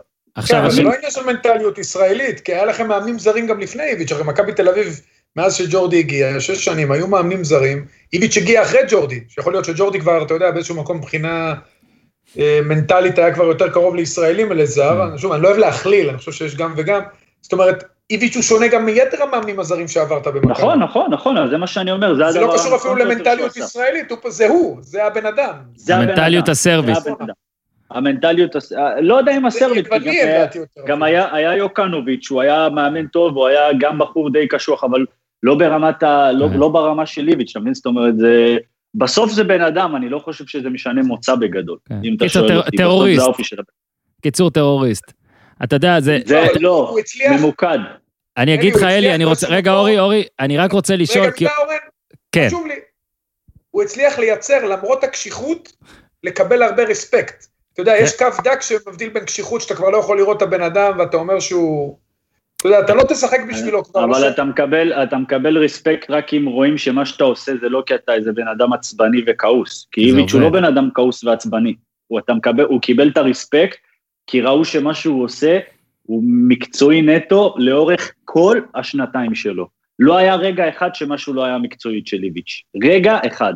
וזה... תשמע, אני- אני חושב גם, אלי, שאני גיליתי לא מזמן, דיברתי עם מישהו שמכיר אותו, שסיפר לי שזה לא, זה לא דמות גם, זאת אומרת, הוא כזה, ואולי זה גם מה שעובד, שזה לא עכשיו סתם בא, הוא אומר, טוב, אני עכשיו נכנס לאימון עם מכבי תל אביב, עם השחקנים הצעירים האלה, אז בוא רגע נשים את המסכה של האיומים ואת ה... אתה יודע, נהיה רציניים והכול. הבן אדם הוא, הוא, הוא ככה, לפחות מה שאמרו לי, אני יודע שאורי היה רואה אותו לפעמים בבריכה, אבל אמרו משמעית. לי שהבן אדם הוא ככה, הוא באמת ככה. זה, זה האופי של הבן אדם, ואתה יודע, היו הרבה, תמיד כשהיינו חוזרים ממשחק בנתניה, אז הרכבים, כאילו היינו מגיעים עם האוטובוס, והרכבים שלנו היו במלון שם, ולפעמים היו קורים סיטואציות, קורות סיטואציות שאנחנו כאילו אה, אה, עולים איתו, יורדים איתו במעלית לחניון. זה היה רגעים, אני לא יכול להסביר לך, היינו נכנסים שניים, שלושה שחקנים, הוא עומד, וכשאתה רואה שלושה שחקנים מזיעים, מזיעים, לא יודעים מה לעשות עם עצמם. עכשיו, הבן אדם, הוא לא כועס עליך, אתה יכול לדבר איתו, הוא הכי גבר בעולם, הוא גם בן אדם שתומך ומאחורי השחקנים שלו תמיד, תמיד הוא לא יפקיר, אין סיכוי שהוא יפקיר, שהוא יפקיר שחקן שלו לבד, ו... זאת אומרת, הוא, הוא יבוא אליו בכל הטענות בעולם במה שהוא אשם, אבל רק בתוך המשפחה, מה שנקרא. מהמם. אבל הנוכחות שלו גרמה לשחקנים, וואלה, שחקנים כל כך גדולים בקנה מידה ישראלי, להקטין את עצמם. להבין, וואלה, אני כלום ושום דבר, יש פה בן אדם הרבה יותר גדול ממני, ואני צריך לעשות את מה שהוא אומר. כמו במערכונים שאנחנו במפה עם המעלית. אתה... בדיוק. אה, תשמע, עכשיו, אני עוד רוצה, אה, יש משהו, אתה יודע, הזכרת את השם של אה, מיכה כמה פעמים. הפרק הזה מוקלט בתחילת השבוע, ב, אתה יודע, יומיים שלושה אחרי שהם הוציאו אה, הודעות באינסטגרם, מיכה ואצילי, ועלה פרק שבו התייחסתי לעניין. אני רוצה להגיד לך את דעתי רגע במשהו, ואז אני ארצה לשמוע את דעתך, אה, מה שתוכל, אה, מה שאתה רוצה להגיד בנושא. אני חשבתי על זה הרבה זמן, ומאז שיצאו ההודעות באינסטגרם, שלדעתי, אגב, ההודעות היו בעיקר לכוון, בעיניי, זו דעתי, פחות למיץ' גולדהר ויותר למעסיק הבא, זו, זו דעתי.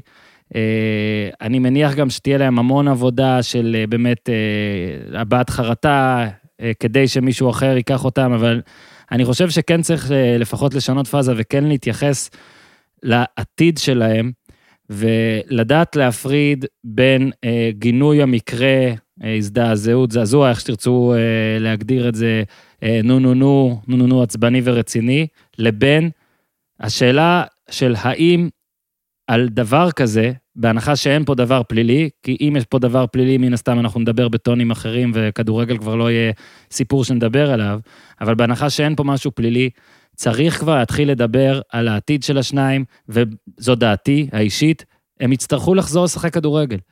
אנחנו אה, פה עניינים של מוסר והכל, אתה חבר, אה, שיחקת עם שניהם לדעתי, הרי אצילי עוד היה אז אה, שניהם, יצא לך? ועם אצילי גם שחקתי בביתר. בביתר. כן, גם וגם. אה, לא, גם וגם. כן, לא, לא זכרתי רק אם ביתר זה חפף או לא. אה, מה, מה עמדתך המקרה? דווקא כחבר זה מאוד מעניין, אה, כי, כי הרבה אנשים נגיד באים בביקורת לחברים שלהם, למשל על תגובות באינסטגרם, כמו של אה, תהיה חזק, טעויות קורות, דברים כאלה, ועל כל מילה תופסים אותם. אני למשל תמיד מכניס לראש אם זה היה חבר שלי, וה- והתשובה שלי שאפשר גם לגנות מקרה ולהגיד שהוא לא בסדר, ומצד שני אפשר גם לתמוך.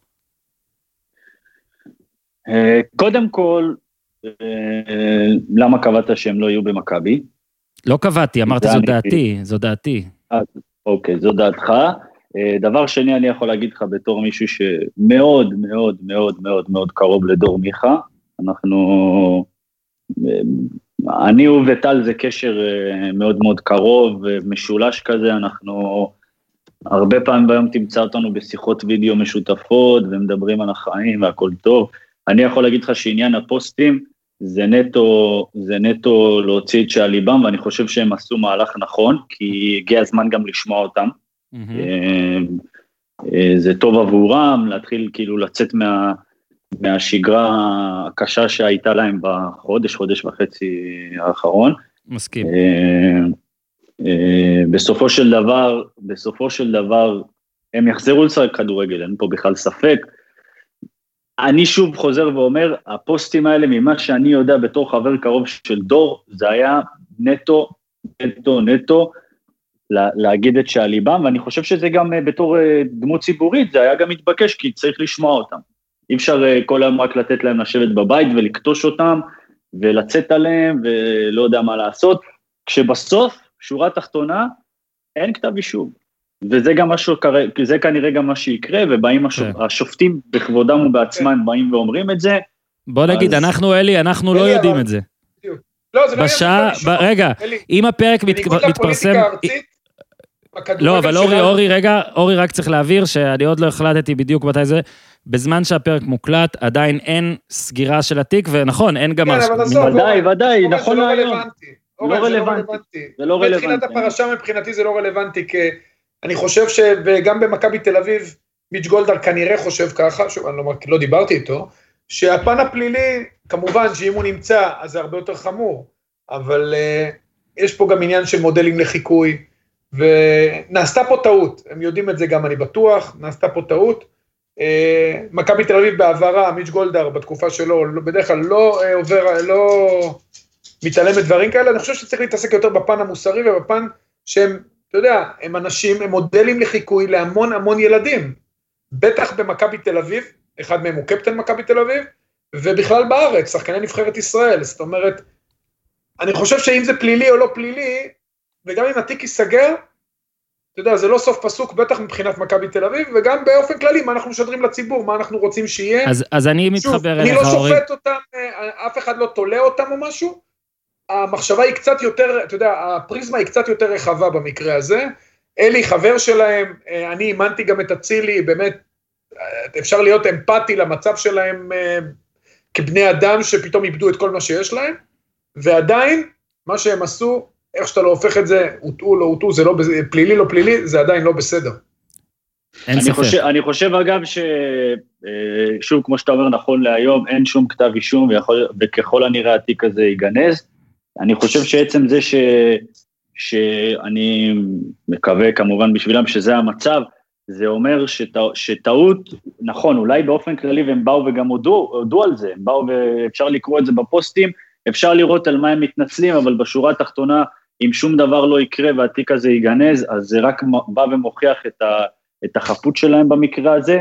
אה, אתה יודע, אני אולי קצת לא אובייקטיבי כי הם חברים קרובים וכולי, אבל עדיין חשוב לבוא ולומר, על מה שצריך להתנצל הם יתנצלו, אבל הרמה, הרמה המוסרית, שוב, בן אדם שלא ידע ולא, ולא לא היה לו מושג מה קורה, קשה לשפוט, זה יכול לקרות לכל אחד אחר. אנשים לא אשמים שבאים אנשים להטעות אותם, אה, זה סיפור סבוך, קשה, כן. אני לא נכנס לשיקולים של מיץ' בגלל זה, אלי, אלי, אני גם... אני בגלל עדיף לעצור. לא, אני, כן, אני לא, אגיד... לא, ודאי, אין... לא, לא, לא, אני דווקא חושב... אלי, אני רוצה, אני רוצה לשמוע אותך בנושא, אני, אני עוצר אותך רק בגלל שיש את הדברים שאנחנו לא יודעים. עכשיו, אם אתה יודע, אז דבר אחר, אבל אני גם לא, תבין, אני, מאז שיצא המקרה, גם עם אורי דיברתי על זה כמה פעמים בפרקים, ויצא לי גם, אתה יודע, עם עוד כמה אנשים, גם אשתו של אה, אה, גל אלברמן ליטל הגיעה, וכאילו כל מה שאתה אומר, אתה חוטף אש, לא משנה אם אתה סימפטי, אמפתי, כועס, אה, אה, מאשים, הכל. אז זה, זה בסדר, עם זה אין לי בעיה. אני דווקא בא לטובת, פה, מה זה לטובת? אני חושב שיש פה גם... אה, הגזמה בתקיפות של אה, מי שתומך בהם. פה אלי דסה הוא חבר שלהם, ונתתי דוגמה בפרק עם טלפז על זה, שאם חבר שלי היה עושה משהו, אז אפשר להגיד זה לא בסדר, אבל אפשר גם להיות אכפתי אליו ולהגיד ש... להיות לטובתו בנושא הזה. לא כל דבר שאלי אומר, לא, לא כל דבר שאלי אומר לטובת השחקנים, זה בהכרח נגד אה, הבחורות, וראיתי ציטוט שלך, אני חושב שזה היה בערוץ הספורט, שאומר פה ש, ששני הצדדים בוא נגיד עכשיו סובלים תדמיתית מהכפשות ומדברים ומהכל, אז בגלל זה כל מה שהוא משפטי, כל מה שהוא מהלך האירועים או נסיבות האירועים, כרגע, גם אם אלי אומר את זה, גם אם אני אומר את זה, זה לפי טענות של אנשים. אנחנו לא יודעים.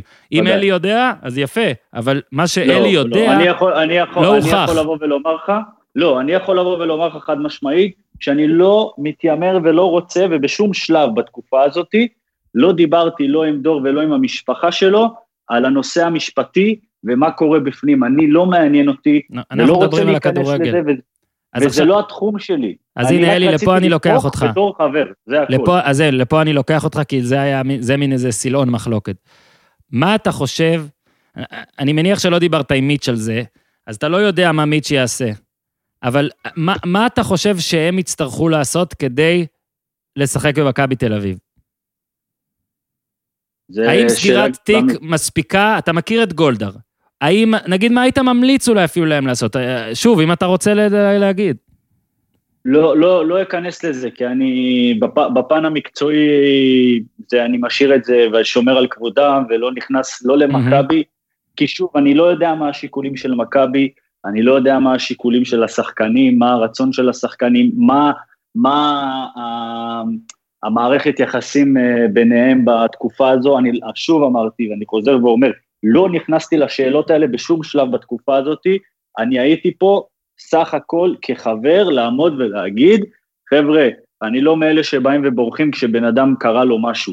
אני לא יודע, כלום, כלום עוד לא ברור, אני גם לעולם לא אפקיר חברים שלי, זה לא, זה לא האופי שלי, אני גם חבר מאוד מאוד קרוב של המשפחה, וגם ביום מן הימים אולי דור יספר לך עד כמה הייתי פה יותר בשביל המשפחה מאשר לא. אני תמיד כל היום מדבר עם קובי ורבית ו- כן. ובר אחותו, וזה הדבר החשוב לי, כי אין הורה שזה קל הסיפור הזה עבורו, וזה סך הכל מה שמעניין אותי.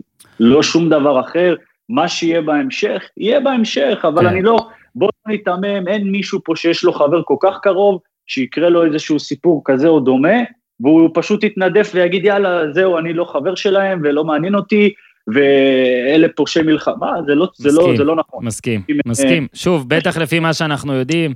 אה, אני גם משער שאנחנו כבר יודעים הרבה, אבל לא הכל, בגלל זה אני גם נזהר. כי, אה, אגב, אמרתי לך, אותי תוקפים משני הצדדים, זאת אומרת, גם שאני אולי עדין כלפיהם, או חריף כלפי זה, או... אני אומר, אני תמיד אומר, אני, אפילו יותר מאלי דסה, לא סתם, אבל לפחות כמוהו, לא יודע ולא דיברתי, לא עם שניהם, לא עם הנערות, לא עם עורכי דין של, שלהם או של הנערות, כלום. כל מה שאנחנו מדברים פה, לפחות בפן המוסרי, זה על ספקולציות והנחות. וזאת הייתה גם הספקולציה שלי. אני, בספקולציה שלי, הם יצטרכו לעשות הרבה מאוד דברים אקטיביים כדי להישאר במכבי תל אביב. אני לא בטוח זה יקרה, אבל עכשיו רגע בוא נמשיך אליך, איתך, אה, בוא אלי. נלך אחורה, אורן. זהו. לשם אני הולך, לשם אני הולך. אלי, רגע, רגע, רגע, אני רוצה ללכת. אבל אנשים לא יודעים. זהו, אני רוצה ו- ללכת באמת הכי, אולי כמעט הכי אחורה. אלי דסה נולד בנתניה, יש. וקראתי קצת אה, על הילדות ועל הכל, אבל אף פעם לא דיברנו על זה, אלי. ואני ארצה, כי פה בפודקאסט הזה כבר היו כמה חבר'ה שבאו וסיפרו על איך הם גדלו, אה, בוא נגיד, מאמצעים, בוא נגיד שלא הכי, לא הכי טובים, אוקיי, אמצעים דלים. והנה עכשיו אה, אנחנו מפרגנים לך חוזה בהולנד, ו- ויופי של דבר, וגר במקום טוב, ורואים בתמונה שלך בוואטסאפ שאתה נהנה, והכל ירוק שם, ככה אני מקנא בהם. אבל בוא רגע תספר על ההתחלה ועד כמה זה היה לונג שוט. ירוק ש... פה תרתי משמע. נכון, נכון. בוא תספר על ההתחלה, ואז אתה יכול גם לספר על איפה תרתי בנתניה, משמע. אלי? אני- אני מכיר שכונות בנתניה. וואלה, אורי, אני מתבאס, אה, מצטער גם מבאס אותך, אבל אה, אני לא זוכר כלום מנתניה, אני רק נולדתי שם. את מה שאני זוכר, את רוב הזה שלי הייתי בחיפה בכלל. בוא, בוא, לא, תספר. תספר. אבל אבל אתה אה, יודע באיזה שכונה לפחות. לי, אין לי אפילו איך לחרטט אותך, כי אני חושב שנולדתי בנתניה, לא, כן, נולדתי בנתניה כי אני, כי אני אפילו, זה כאילו מעורפל לי, אבל אני חושב שפשוט אה, אה, היינו בבית גולמינץ או משהו כזה, איפה שיש שם, שם. כן, שם, קל, שם קלטו, קלטו את המשפחה שלי אחרי העלייה שלהם, אה, אבל לא היינו שם הרבה זמן, כאילו... לא משנה, לא משנה, יש בך הרבה מהנתניאתיות, זה בסדר, אתה יכול להמשיך מפה. כן, זה אורי משחרר את סיפור נתניה. הנה, קיבלת מה שאתה רוצה, יאללה, היית מדבר איתי לפני, אומר לי, נותן קצת מידע, הייתי כן. ממציא פה איזה משהו. לא, לא צריך להמציא, אנחנו רק את האמת פה בפודקאסט, רק את האמת. אני צוחק, אני צוחק. אה, זהו, אחרי זה עברנו, אני לא יודע, מאיפה אתם, אה, אורן, במקור? אני ממושב בן עמי, מאיפה שאני עכשיו מדבר איתך גם, זה צפון, זה, זה 45 דקות אה, צפונית לח... לא לחיפה. מכיר, את, אתם לא מכירים את התקופה של חיפה, של, ה, ש, של הקרוונים באזור איפה כל היום אה, סמי עופר וכל ה, כל הפאר של המשרדים והכול, את זה אתם לא זוכרים, בטוח. אני רוצה שאתה תספר לי. לא, אז, אז, אז בוא נגיד ששם שם גדלתי את החלק השנים הראשונות שלי בתור ילד שאני גם זוכר. הכי קל עכשיו לבוא ולהגיד לך, תשמע, ואיזה תקופה, וחיינו בעוני, ו... ו... ו... ו... אבל אני אומר לך, אורן, זאת אותה תקופה, היום כשאני חוזר כל הזמן ואני רוצה לחזור לילד המאושר שבי, שם זה היה. שם, בקרוונים, בבלי נעליים, בשכונה סגורה, אתה יודע, כאילו כזה, תגיד, כמו, שזה, כמו, כמו שקולטים עולים חדשים ושמים אותם באיזה חור משלהם, ושיתנהלו הם עם עצמם שם. אז אתה יודע, ככה, ככה אתה גדל באיזה קרוון שבור, אתה ישן אתה, החתולים והג'וקים ביחד, זה הכל בא זה סבבה כזה. ושם גדלתי, כל היום בצמוד, ברחוב שם עם כל הילדים שמסביב, משחקים כדורגל עד אינסוף, כל יום, כל היום, מאושרים עד, עד הגג. עד שלאט לאט אתה גדל ואתה מתחיל קצת לקלוט את, שאתה מתחיל קצת להבין איך אתה חי, זה קצת, בסוף זה איפשהו הופך להיות מוזר. באיזשהו שלב קיבלנו איזו דירה מהמדינה בכל מיני תנאים של עולים חדשים בנס ציונה, עברתי לשם בסביבות גיל חמש או שש, ואנחנו עד היום שם, כאילו מאז ועד היום. תקופה, תקופה כיפית, אורן, מה אני אגיד לך? אתה, אתה רוצה להוציא דברים? תשאל, תשאל. לא, לא, אני דווקא, אני דווקא רק שת... רגע, אבל אורי, אני רק רוצה להגיד שאלי, אנחנו לא מחפשים פה... אני יודע, אני עוד מעט נותן לך, אני רק רוצה להגיב לדיבה של אלי, שמרגיש שאני מחפש פה כותרות קשות, וזה לא נכון, אני רוצה לשמוע את הסיפור. לא, ההפך. אני מתחבר, אלי, אלי, אני מתחבר... אני יודע שהרמדנים אוהבים את זה, אני גם רוצה לספר על זה, זה לא משהו שאני מתבייש בו, לא רוצה לספר אותו, אבל אני יכול ללכת לכל כך הרבה כיוונים, שאתה בסוף תגיד לי, אלי, אכלת את הראש, יאללה, שטוף. לא, לא, אל תדאג, לא נגיד. אני רוצה, אני רוצה רגע, לפני שאורי בטח יתקדם איתך לכמה לא, שנים מאוחר יותר, אני רוצה שתס... אז זהו, תספר קצת באמת על, אתה, אתה, אתה, אתה מסתכל על התקופה הזאת כתקופה יפה ורומנטית, וזה פשוט, זה יפה בעיניי. אם אתה יכול טיפה להרחיב על כזה, אתה יודע, ממה שאתה זוכר, נגיד, סדר יום, פשוט כל היום משחקים כדורגל, כל, כי זה, אני, אני לפחות עוד במושב, אתה יודע, שוב, זה אחרת לגמרי, אבל כל זה מה שאני זוכר, חוזרים מבית ספר, זורקים תיקים, הולכים למגרש, ופשוט עד שההורים באים ו- ו- וכועסים שאתה לא חוזר הביתה, אתה הולך, ואני גם מתגעגע לתקופה הזאת. שאלה היא מה זה בדיוק, איך זה היה אצלכם? בוא נגיד, הסדר יום היה, אתה קם בבוקר, יוצא אף אחד כמובן לא נכנס לשכונה, אתה צריך לצאת החוצה, ואז יש איזושהי, זה כמו איזה כזה מנודה, או לא יודע איך תקרא לזה, אתה צריך לצאת החוצה לכביש הראשי, משם אוספת את ההסעה ולוקחים אותך לגן, וזהו, חוזר מהגן באחת, ההורים כאילו לא בבית בכלל עד מאוחר, עד ממש מאוחר, זה, בזמנו זה היינו, אחי אור ואחי לירוי הקטנים עוד לא נולדו בזמנו, זה היה רק אני ואחותי מיכל, שהיא גדולה ממני. אוכל, אין אוכל, אתה לא מרגיש, אתה חוזר, לא אוכל בכלל, הולך, משחק, חוזר אחרי צהריים, ההורים לא בבית, עדיין גם ככה אין אוכל, גם כשנמצאים, זה לא שעכשיו יש לך איזה, הרי שף גורמה ש, שמבשל לך איזה אוכל מטורף. שוב אני אומר, אני כאילו, אני מספר על זה בכל כך הרבה חיוביות מהסיבה הפשוטה שאני מסתכל על זה היום ואני מבין שזה, שזה מה שעיצב אותי כבן אדם, אז אני, אני אסיר תודה על התקופות האלה, ואני חושב שבכלל אה, בעולם השחקנים הכי גדולים זה שחקנים שלרוב גדלו בתנאים כאלה ואולי אפילו קשים יותר, mm-hmm. כי, כי זה, זה, זה עושה לך משהו לאופי, זה...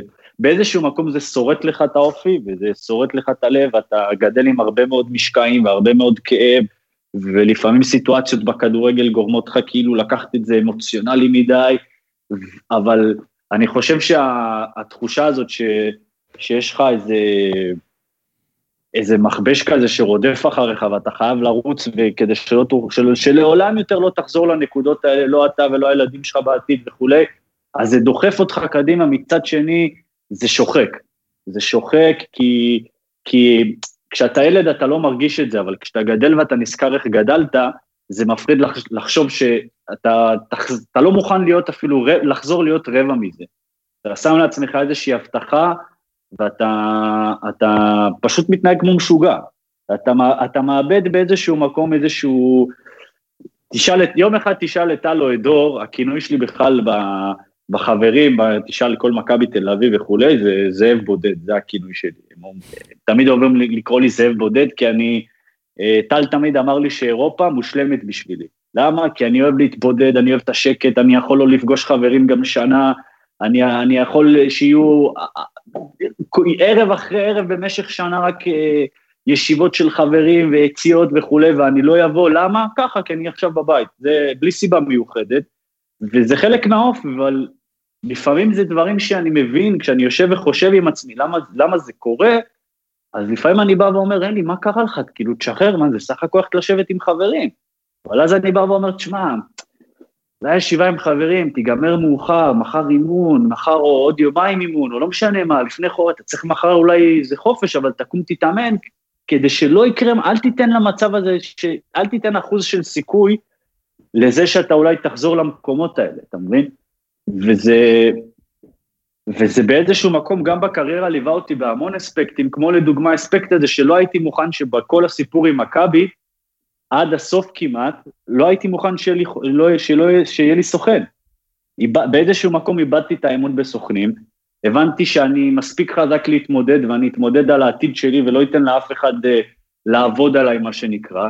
לא שזה קיים, סוכנים זה דבר מאוד, uh, מאוד לגיטימי ומקובל ויש סוכנים מצוינים בשוק, אבל הדרך שגדלתי בה גרמה לי להבין שאם, מה שבאמת נקרא, אם אין אני נימי לי, ואני החלטתי שאני נכנס לסיפורים האלה לבד, ואני יושב עם מכבי בשולחן, ואני אני, אני עכשיו נמצא עם בן, בן מנספורד פגישה של שעה, ומשם לקריית שלום, והולך עם, ה, עם ההרגשה של. צריך לנתק את המום הזה ולהתאמן כמו שצריך. אתה יודע, אנשים אמרו לי, תשמע, אתה לא נורמלי, איך אתה יכול כאילו, איך אתה יכול להתווכח איתם במשרדים, ואז להגיע ולהתאמן, ואז במשחק גם להתרכז? אבל אנשים לא מבינים שזה אופי שמצטבר עם השנים, ועם הדרך שגדלת, והאחריות המשפחתית, ו... וזה, וזה זה בא בהכל, זה בא בהכל. ו... רגע, אלי, האם זה, אתה יודע, בכל זאת אי אפשר להתעלם מה, מזה שאתה גדלת כאור, וגדלת היום, אנחנו בעידן Black Lives Matter, נכון. וגדלת במדינה יחסית לבנה. אם הרגשת, גם כילד או גם כשחקן כדורגל, או זה מה שגרם לך אולי לא לסמוך על... אה, לסמוך רק על עצמך בעצם, או שלא, לא הרגשת את זה אף פעם, כמו שאמרת, יצאת והכל היה בסדר. אה, תשמע, אה, אני קודם כל אתחיל ואגיד שהמדינה הזאת יש בה הרבה אנשים טובים. אני לא רוצה אף פעם להתחיל מה, מהרגעים הרעים שלא יש... זה בטוח. הרוב טובים, תמיד. הרוב טובים, אבל אין מה לעשות. לאורך כל החיים, מהיום שנולדתי ועד היום, אה, כמובן שככל שאתה הופך להיות שחקן ומוכר ועם מעמד כלשהו, שוב, אני לא אוהב להסתכל על עצמי במעמד, אני מבחינתי תמיד, תמיד, תמיד, תמיד שווה לכל בן אדם בעולם הזה, אה, אין לי איזה פריבילגיה אחרת מאחרים, אבל כן יכול להגיד לך שאיפשהו אתה, כשאתה גדל כ- כ- כילד שחור במדינה שלפעמים אתה חווה בה רגעים קשים של גזענות, אתה כאילו מרגיש סוג של ניצחון, אתה כאילו אומר, וואלה, אני אתן לך דוגמה, יודע מה, אתן לך דוגמה לא מפעם, פשוט מעכשיו, גם שכבר אתה אומר, שחקן נבחרת, מכבי תל אביב, הכל טוב ויפה, אין פעם, אין פעם שלא הייתי הולך לסופר. בג'ינס, חולצה יפה, הכל טוב, לא עכשיו לבוש כעובד המקום, כן? עם עגלה מלאה בדברים, ברוך השם, ולא יבואו לי לפחות שניים, שלושה אנשים ויגידו לי, אה, סליחה, איפה פה הזה? סליחה, איפה פה הזה? סליחה, אה, אתה יכול ללכת להביא לי את זה? וזה כאילו, בהתחלה זה כאב לי, אמרתי כאילו, למ, למה, למה אתה צריך, זה, יודע מה, זה גם לא משנה הלבוש, מה אני כרגע לובש, אם אני נראה שאני לא עובד פה או לא. למה אתה צריך לחשוב שאני בן אדם, בגלל שאני שחור, אני עכשיו כאילו עובד פה? כאילו, מאיפה, מאיפה נבע הדבר הזה? למה זה כאילו הגיע למצב שאוקיי, אם אתה שחור, כנראה אתה עובד פה, אתה לא מספיק טוב כנראה בכלל לשב, כאילו להיכנס לסניף הזה? עכשיו, יותר מזה אני אספר לך, אימא שלי, אמ, בדיוק לפני אה, סיפור טרי אני אתן לך, זה כאילו דברים, אתה יודע, אני לא יודע אם אתם מצליחים להבין את גודל הבעייתיות, כי אני מספר את זה באווירה די סבבה, יש אנשים שלא היו מקבלים את זה ככה. אבל אימא שלי לדוגמה, שבעיניי אדם מדהים וגדול ואפס אגו, היא, ב, יש לי איזשהו בית, לא משנה, לא אגיד איפה, אה, בית ברוך השם, אה, לא סביר שיהיה בו מישהו אתיופי, בסדר? תקרא לזה ככה. היא שבוע, לפני שלושה שבועות, שלושה שבועות היא הלכה לסדר לי שם איזה משהו, ירדה במעלית, ירדה במעלית, באה בא אחת, ה, אחת הדיירות שם, אומרת לה, אה, תגידי, באיזה דירה פה את מנקה? אני רוצה כאילו, את יכולה לבוא לנקות לי את הבית גם? אני צריכה כאילו שתנקי לי את הבית. וואו. אמרתי לה, אמא, איך הגבת? אני מקווה שיצאת לה על החיים, כאילו, אמרתי לה.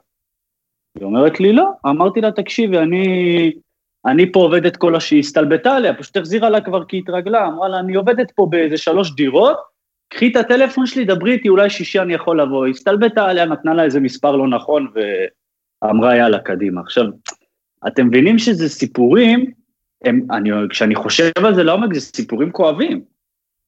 זה סיפורים כואבים, זה כאילו, היום אפשר להסתכל על זה ככה, כי ברוך השם אני במקום טוב בחיים ולא חסר לי כלום, אז אני יכול לצחוק על זה. אבל בן אדם שהיום אין לו, והוא לא, לא הצליח להשתלב בחברה, והוא נמצא בקו העוני, זה מאוד מאוד קשה. סיפורים מאוד מעליבים, חייב לומר לכם. תשמע, זה מדהים, סיפורים, סיפורים איך מדהימים. איך אתה מתמודד ו... עם זה, אבל אלי? אתה יודע, אתה, אתה יש לך, קודם כל כנראה בגלל אימא, כי אימא באמת נשמעת כמו בן אדם ש... אני הופתעתי, מאוד אני מאוד לא חזק. לתפוס, לא הצלחתי לתפוס איך היא לא, אני אמרתי לה, אימא, איך לא יצאת עליה? איך לא יצאת עליה? כאילו, כי כשזה אני, אני מבין שאני לא יכול לעשות את זה. לא יכול לעשות את זה, כי אתה, לא, אתה יודע, שוב, אני דמות ציבורית, וזה לא תמיד מתאים, ואני פשוט אומר, נו, מה נעשה? נו, אוקיי, אז אם אני עכשיו אגיד לא, אז בפעם הבאה הוא לא יעשה את זה, אני כאילו אומר, יאללה, כאילו, תעביר, הכל טוב.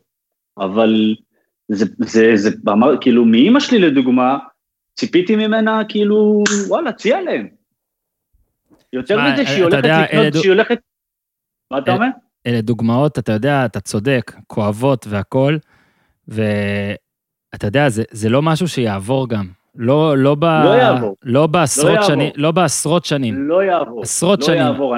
אני אגיד לך לא למה. לא יעבור, ואני אמרתי אתה, את זה. כל הזמן אומרים... האחרונה.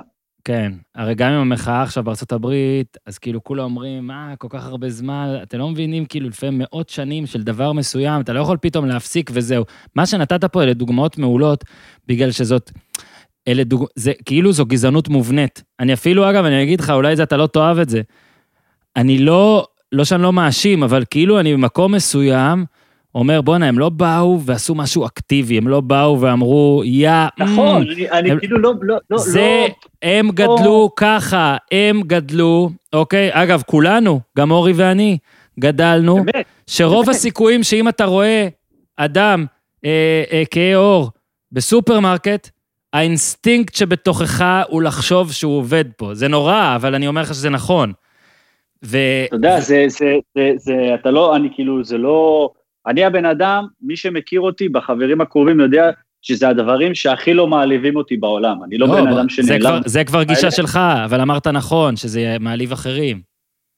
זה מעליב אחרים וזה כואב לי, זאת אומרת, אם זה יקרה עליי, אני לעולם לא אגיב, אבל אם זה, אם זה יקרה לידי, למישהו אחר, אני, אני לא יכול להבטיח שאני כאילו לא אתפרץ בכל הכוח, זה לא, כן. זה כי, כי אני יכול, כי אני, יש לי את הפריבילגיה לבוא ולהגיד, אוקיי, אז בסדר, אבל אני במקום טוב בחיים, נו יאללה, שיתקדם. אבל גם הרוע הזה שמתפר... אתה אומר שזה, אוקיי, הם לא עשו משהו אקטיבי, אבל אתה רואה שברגע שמשהו קצת לא נראה, ברור. כל החרא לא, אני, אני לא מצ... שיהיה ברור. ויאנצ'י, ויעבד, כן. ותעוף מפה, ולכו מפה, ואתם ככה, ואתם ככה, ואתם מסריחים, ואתם כזה, ו...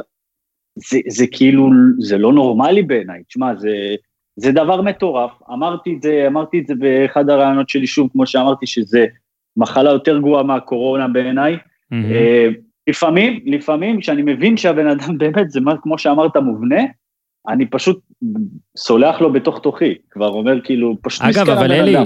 אלי, זה שזה מובנה לא אומר זה בסדר, זאת אומרת, אני לא, חושב, לא אני- ואני- אני- אני אומר לך אני- עכשיו אני בשיא הרצינות. אלי, זה אולי פומפוזי, אבל אני אומר לך בשיא הרצינות שמה שאמרת פה ישנה אצל אנשים איזה סוויץ' בראש, כי זה שזה מובנה לא אומר שזה הדבר שצריך לצאת לך מהפה. זה שזה מובנה, אתה עדיין נכון, צריך לפקפק, לפקפק באינסטינקטים האלה ולהבין שחינכו אותנו לא נכון. חינכו אותנו ב... זה יכול להטריף אותי, כי, כי אימא שלי, אימא שלי חזותית, כאילו, אוקיי, אותי עוד יכולים לראות בחור צעיר, אולי בן אדם מזהה אותי, אז יבינו וכולי. אבל אימא שלי חזותית, אה, אימא שלי, ברוך השם, לא כזאת מבוגרת, צעירה, אבל עדיין אישה אתיופית. מהמם. ו- וזה כאילו על בסיס יומיומי, וזה קורע אותי. היא כאילו יכולה לגשת, היא יכולה לגשת לקנות בסופר משהו, ובגלל שה- שאני היום אחראי הבלעדי על המשפחה שלי, אז כאילו גם, אה, ברוך השם, זכיתי שאני יכול לעזור להם אה, עם הכל, אז אה, לדוגמה, היא באה ומשלמת עם כרטיס אשראי שהוא שייך לי. מהמם. אח, אחת לשתי עסקאות יעצרו אותה ויגידו לה, אוקיי, מה זה, מה זה הכרטיס הזה? תביאו ה... זה הבן שלי, מה זה הבן שלך? מה זאת אומרת? למה יש לך כרטיס כזה? מה זה? תראי תעודה, תתקשרי, תעשי. מה זאת אומרת? זה מה נוראי. זאת אומרת? עכשיו, שוב, שוב אני אומר לך, אם זה עכשיו, אה, אם עכשיו תבוא תגיד לי, אתה, אתה ואורי יודעים שזה לא עניין של חוקים, כי הכרטיס אשראי הזה הוא לא שלה. זה חרטה ברטה. כי נכון. היום כל אחד קונה בכרטיס אשראי של כי מישהו. אותי בחיים, לא יודע, אלי, כי זה אותי, סטריאוטיפים. כי זה- אותי, זה בדיוק סטריאוטיפ, יש מיעוטים בחברה, אה, גם נכון. אתיופים חלק מהם, אנחנו יודעים נכון. על עוד מיעוטים, נכון. ומה שיפה בכדורגל, לטעמי, ואני כל כך אוהב את זה, שבסוף אתה בא למגרש, ואם אתה טוב, לא משנה מה הדת שלך, מה הצבע אבל- שלך, אתה תשחק ויאהבו אותך. רגע, רגע, זה- זה מה ש... אורי. וגיל, ו- אתה ובגלל יודע זה את זה. אגב, לא, לא תמיד יאהבו אותך, אני, גם במגרשים אתה חווה הרבה מאוד. לא, אני והרוע- מדבר על השחקנים, לא, לא, לא, אני לא מדבר על אוהדים. שים את האוהדים שנייה בצד, אוקיי, מדבר אוקיי, על אוקיי, כן. השחקנים והמאמנים, כן. בסוף, אתה יודע... אתה יודע, מה, שהזוי בכדורגל, שזה כאילו. המפלט, זה, זה גם למה זה מפלט לרוב של בני מיעוטים, אם זה אתיופים, אם זה ערבים, אם זה... כי שם, אגב, שם זה ההזדמנות הכי גדולה, אבל באופן כאילו אירוני כזה, הכדורגל, בכדורגל שחקנים שחורים נחשבים מצרך הרבה יותר מבוקש, הם כביכול יותר אתלטים, הם יותר חזקים, הם, וזה, וזה, וזה מה שמושך אותנו לשם. אבל גם זה מה שגורם לך לבוא ולהגיד, זה, זה קצת עצוב לי ששחקן יכול, אה, אדם שחור שנולד, יכול להסתכל רק על הספורט כאיזשהו מפלט. זה לא יכול להיות. הוא לא יכול... זה הוא לא רק כאילו מפלט, מחו- אלי. דרך לא, הספורט, מחו- אתם יכולים לשנות, ואני חושב כן, שגם אבל, אתה... אבל, אבל אני מתכוון לזה שהוא, ה- ה- האפיק שלו בתור ילד שחולם, הוא לא, יכול, הוא לא מצליח בכלל לחלום להיות עורך דין או רופא. זה זה, לא, יקרה, ב- זה זה יקרה. לא בלקסיקון. זה יקרה, גם זה שכן, יקרה. הלוואי שכן. אגב, אבל אני אג- חושב שהספורט הוא פשוט פתרון מיידי, גם בגלל נכון, מה יתרונות. נכון, זה פיזיים, מה שאני... כמו שציינת וגם בגלל שיש לחלק מבני. המיעוטים, וגם בגלל שזה באמת שמה, אם אתה טוב אתה משחק ולא משנה... אז הנה, אני, אני רוצה רגע, שניכם שיחקתם, אתם בתוך זה, אני, אני לפחות שומע דברים אלה הרבה שנים. אה, אתה יודע, גם נגיד, בוא ניקח את הכדורגלן האתיופי. יש מאמנים ויש, בוא נגיד, יש, פרש, יש סטריאוטיפ. יש סטריאוטיפ שגם אותו צריך לנקות, אתה לא הרגשת אותו ב... בוודאי. שיש סטריאוטיפ. לא, נכון, אני נכון. מדבר ככדורגלן אני, עכשיו. אני חייב רגע, אני חייב רגע לעשות סטופ ו- ו- ואת כל הדברים שאמרתי, לסייג ולומר. אני לא בא ואומר שכולם בסדר, יש טעויות, אנשים עושים שטויות, גם, גם אתיופים, גם ערבים, גם רוסים, ברור. גם ישראלים, גם אה, לא יודע, כולם עושים טעויות, ובכל חברה ובכל מוצא יש אנשים שהם לא בסדר, כן. ואני לא אומר שאם מישהו, שכאילו בגלל שיש גזענות כלפי אתיופים, אז כאילו אה, כל האתיופים בסדר, ובגלל החברה עושים כאלה דברים. לא, יש הרבה דברים שאני לא מסכים איתם. ואחד הדברים גם שאני לא מסכים איתו, זה, זה להתמסכן, זה אחד הדברים שאני הכי שונא. מהמם. אם נופל לידי דבר כזה של... אה, ואני, אחד הדברים שאני הכי מנסה לעשות, זה תמיד כמה שיותר להתנדב במקומות ובעמותות של נערים בגילאי 15, 16, 17, שמתמסכנים, אני לא נותן להם. לא מהמם. נותן להם את האפשרות בחירה הזאת, זה יכול להטריף אותי. זה יכול להטריף אותי, כי אני בא ואומר, אוקיי, הם לא בסדר, הגזענים תקרא להם, לא, לא החברה, כי החברה בעיניי מדהימה, אני לעולם לעולם לא אכליל, אין דבר כזה. אבל, אבל תפסיק לשבת ולבכות. זה לא מעניין אותי, זה לא מעניין אותי ש, שיתאכזרו אליך, שהיו אליך רעים, יתאכזרו אליך עוד יותר, סבבה. אני גם גדלתי ככה. אני תמיד, תמיד בכל מקום שהגעתי בשלב שלי בחיים, זה הייתי צריך תמיד להוכיח הרבה יותר מהאחר, אבל זה היה אתגר, נהניתי מזה. נהניתי מזה, ואני חושב שבסוף, הנה, עכשיו אני זוכר, נזכר במשהו שאמרתי קודם, שברגע שהרגשתי שאני כאילו אה, אה, השתלטתי על העמדה שלי בליגה, פתאום הרגשתי שאני חייב לצאת, כי אני שוב צריך איפשהו להרגיש את זה שאני כאילו צריך להדביק איזשהו פער. כן. שאני לא רוצה להיות, אני לא רוצה כבר להיות בש... אני רוצה שוב את האתגרים האלה, וזה, וזה נטמע בתוכך. אתה חייב, אתה חייב, אתה חייב להבין שאי אפשר רק לשבת ולבוא ולהגיד, אכלו לי, שתו לי. השינוי לא יבוא ככה. זה אני לא מוכן, וגם שוב אני חוזר ואומר, לא כולם בסדר. כן, אבל uh, הסיפורים, כמו שסיפרת עכשיו, דעתי כן עושים סוויץ' בראש לאנשים, והם כן צריכים uh, להיאמר וכן צריכים להיות מסופרים. Uh, אנחנו נתקדם קצת, uh, כי אני כן רוצה שתוכל, uh, אורי ואתה תוכלו קצת להחליף uh, חוויות אהבים מה, מהעבודה המשותפת. אני, אני, יכול, אני, אני אתחיל, אתה, אתה מרשה לי? כך. הוא, הוא הגיע עם קורצקי לביתר, קורצקי הגיע שיחה ראשונה במחנה אימון, אומר לי, תשמע, ביתר רצה להעיף אותך ליציע, רצה להביא שחקן, לא רצו אותך פה. הוא אומר לי, אני כאן, אני נותן לך מילה, אני ואורי, אורי לא היה בשיחה, אבל הוא אמר לי, אני ואורי נדאג, שאתה בש, בשנה הזאת, כמה שאתה כביכול אחרי עונה לא טובה, אתה בשנה הזאת מגיע לנבחרת. אמרתי, מה, מה הוא רוצה ממני? זה, זה גם נפל מהעץ, מה קורה לו? אני מתנדד פה בין ספסל ליציע, הוא אומר לי, נבחרת? ומשם הכל היסטוריה, ועכשיו אורי יכול להמשיך. אני יכול להגיד לך שהגעתי לביתר ירושלים עם מנחם, הגעתי אחרי מכבי חיפה, שם הפרויקט שלי, סוג של פרויקט היה טלב טוואטחה, שבאמת היינו עובדים הרבה, אחד, הרבה וידאו, אה, ותמיד טלב ואלי, שגם הם, הם היו ביחד בכל הנבחרות, אתה יודע, ראיתי בהם כשני מגיני העתיד של הכדורגל הישראלי, הם היו אז אה, עוד בגיל ש...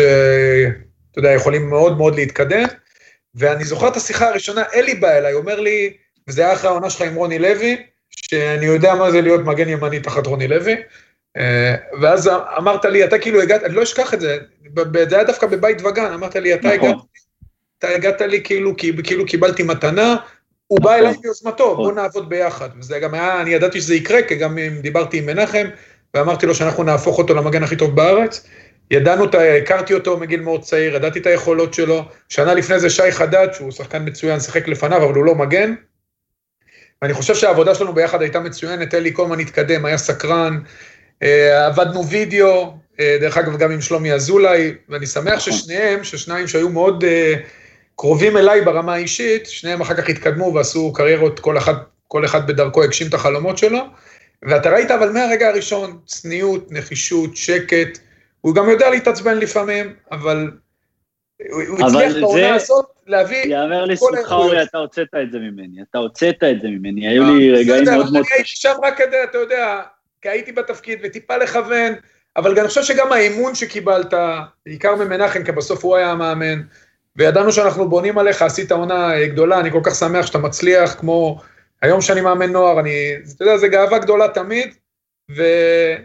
אתה יודע, עשיתי משהו טוב בביתר, לא יודע אם הרבה, אבל מדי, לא הייתי שם הרבה, אני שמח ש... עשית המון דברים טובים, המון דברים טובים, ואורן, לך אני יכול להגיד שחיכיתי מתי, מתי תבוא ההזדמנות שאני אוכל לפרגן לאורי ולקורצקי על התקופה הזו, אבל אתה יודע, בסוף כשאתה אומר את זה באיזושהי כתבה על הדרך, זה איפשהו מתמסמס, אבל פה אה, לא עוברים אה, שבחו של אדם בפניו, זה לא בפניו ממש, אבל אני חייב להגיד את זה, שכשהם אה, הגיעו, היה לי, צברתי הרבה תסכול במועדון, היה לי, כי גם בשנים הראשונות שלי בביתר סבלתי מאוד, אה, גם בפן הכלכלי, הרגשתי שאני הולך לאיבוד כי לא הצלחתי לעזור למשפחה שלי, והייתי מגיע למועדון והייתי מתחנן לעזרה, הייתי אומר להם, תקשיבו, אני לא מצליח, המוח שלי לא פה, הראש שלי לא כאן, אין לנו כסף בבית, אני לא מצליח להסתדר, תעזרו לי במשהו, וכל פעם דחו אותי ודחו אותי ודחו אותי, וזה, הרגשתי כאילו, אמרתי, אבל, אבל אני כאילו, זה לא שאני בשחקן נוער כמו במכבי נערים שביקשתי איזה עזרה ב-60 שקל כרטיסייה, אמרו לי לא, כי אולי לא ראו אותו פוטנציאל וסבבה, אני כבר כאן, אני שחקן נבחרת צעירה, אני זה, קצת כאילו כבוד, טיפה. ויותר מזה, זה כאילו לא רק שלא היית מקבל עזרה, גם היית מקבל הרבה פחות כסף ממה שהגיע.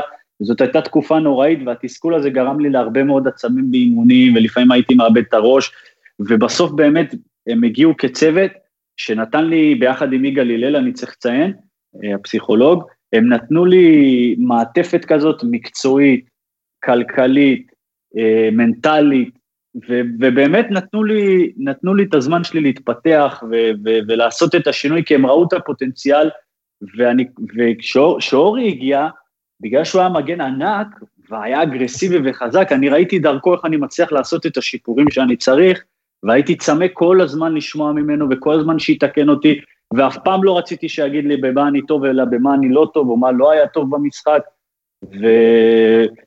וזה פשוט הזוי איך שזה קרה הרבה, הרבה יותר מהר מהמצופה, אפילו לא הגענו לסוף השנה כבר, באמצע, קצת אחרי אמצע העונה כבר הייתי ב, בסגל נבחרת, ואורי בהזדמנות הזאת רוצה להגיד לך באמת אה, תודה ענקית. תודה מאשר הכל, אלי, חוץ מזה שהייתי מגן ענק, הייתי בסדר. היית מגן ענק. כל היתר אני מאשר, ואתה יודע מה? לכל מי ששוקל או טועה אם להיות מאמן, בשביל הרגעים הקטנים האלה, זה באמת רגעים קטנים, זה שווה הכל, זה כמו, זה באמת שווה הכל. זה לשמוע ממך כמובן שעשית כל כך הרבה, לכו לאמן, זה לא הסוף, אני רוצה עוד... אה, הדינמיקה בין המאמן לשחקן, הדברים הקטנים והפשוטים, הם שווים הכל. נכון. ואני נכון, מאושר לראות אותך מצליח, ואני בטוח שאתה... שזה רק עוד צעדים ראשונים שלך באירופה, אתה תגשים את כל החלומות שלך. כן, שמע, אלי... אני באמת עושה הכל בשביל זה. שמע, אלי, אה, באמת, אה, חצי, חצי מהנושאים אפילו לא הגענו, ויש הרבה עוד מה לדבר, ביתר זה, אבל נשאיר גם טעם לעוד, אנחנו רוצים אה, לארח אותך פנים אל פנים, ונדבר על עוד דברים.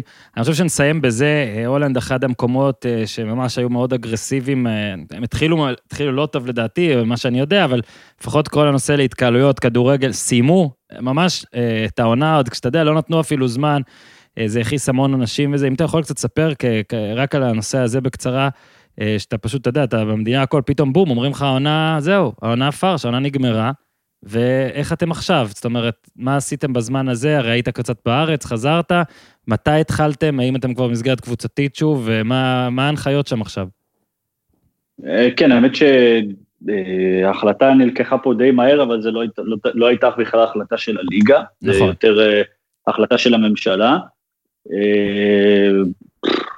הדעה שלי על זה קשה מאוד, כאילו קשה מאוד לומר מה אני חושב על ההחלטה לסיים. תשמע, בתור שחקן ברור שהייתי רוצה שנמשיך ונשחק, אבל המגפה הזאת קצת גדולה מכולנו ועל כולנו כדי שנשפוט החלטות כאלה ואחרות. Uh, יצא שכבר בסוף, uh, תחילת מרץ, סוף פברואר כבר ביטלו, uh, אבל עדיין לא, לא שחררו אותנו הביתה.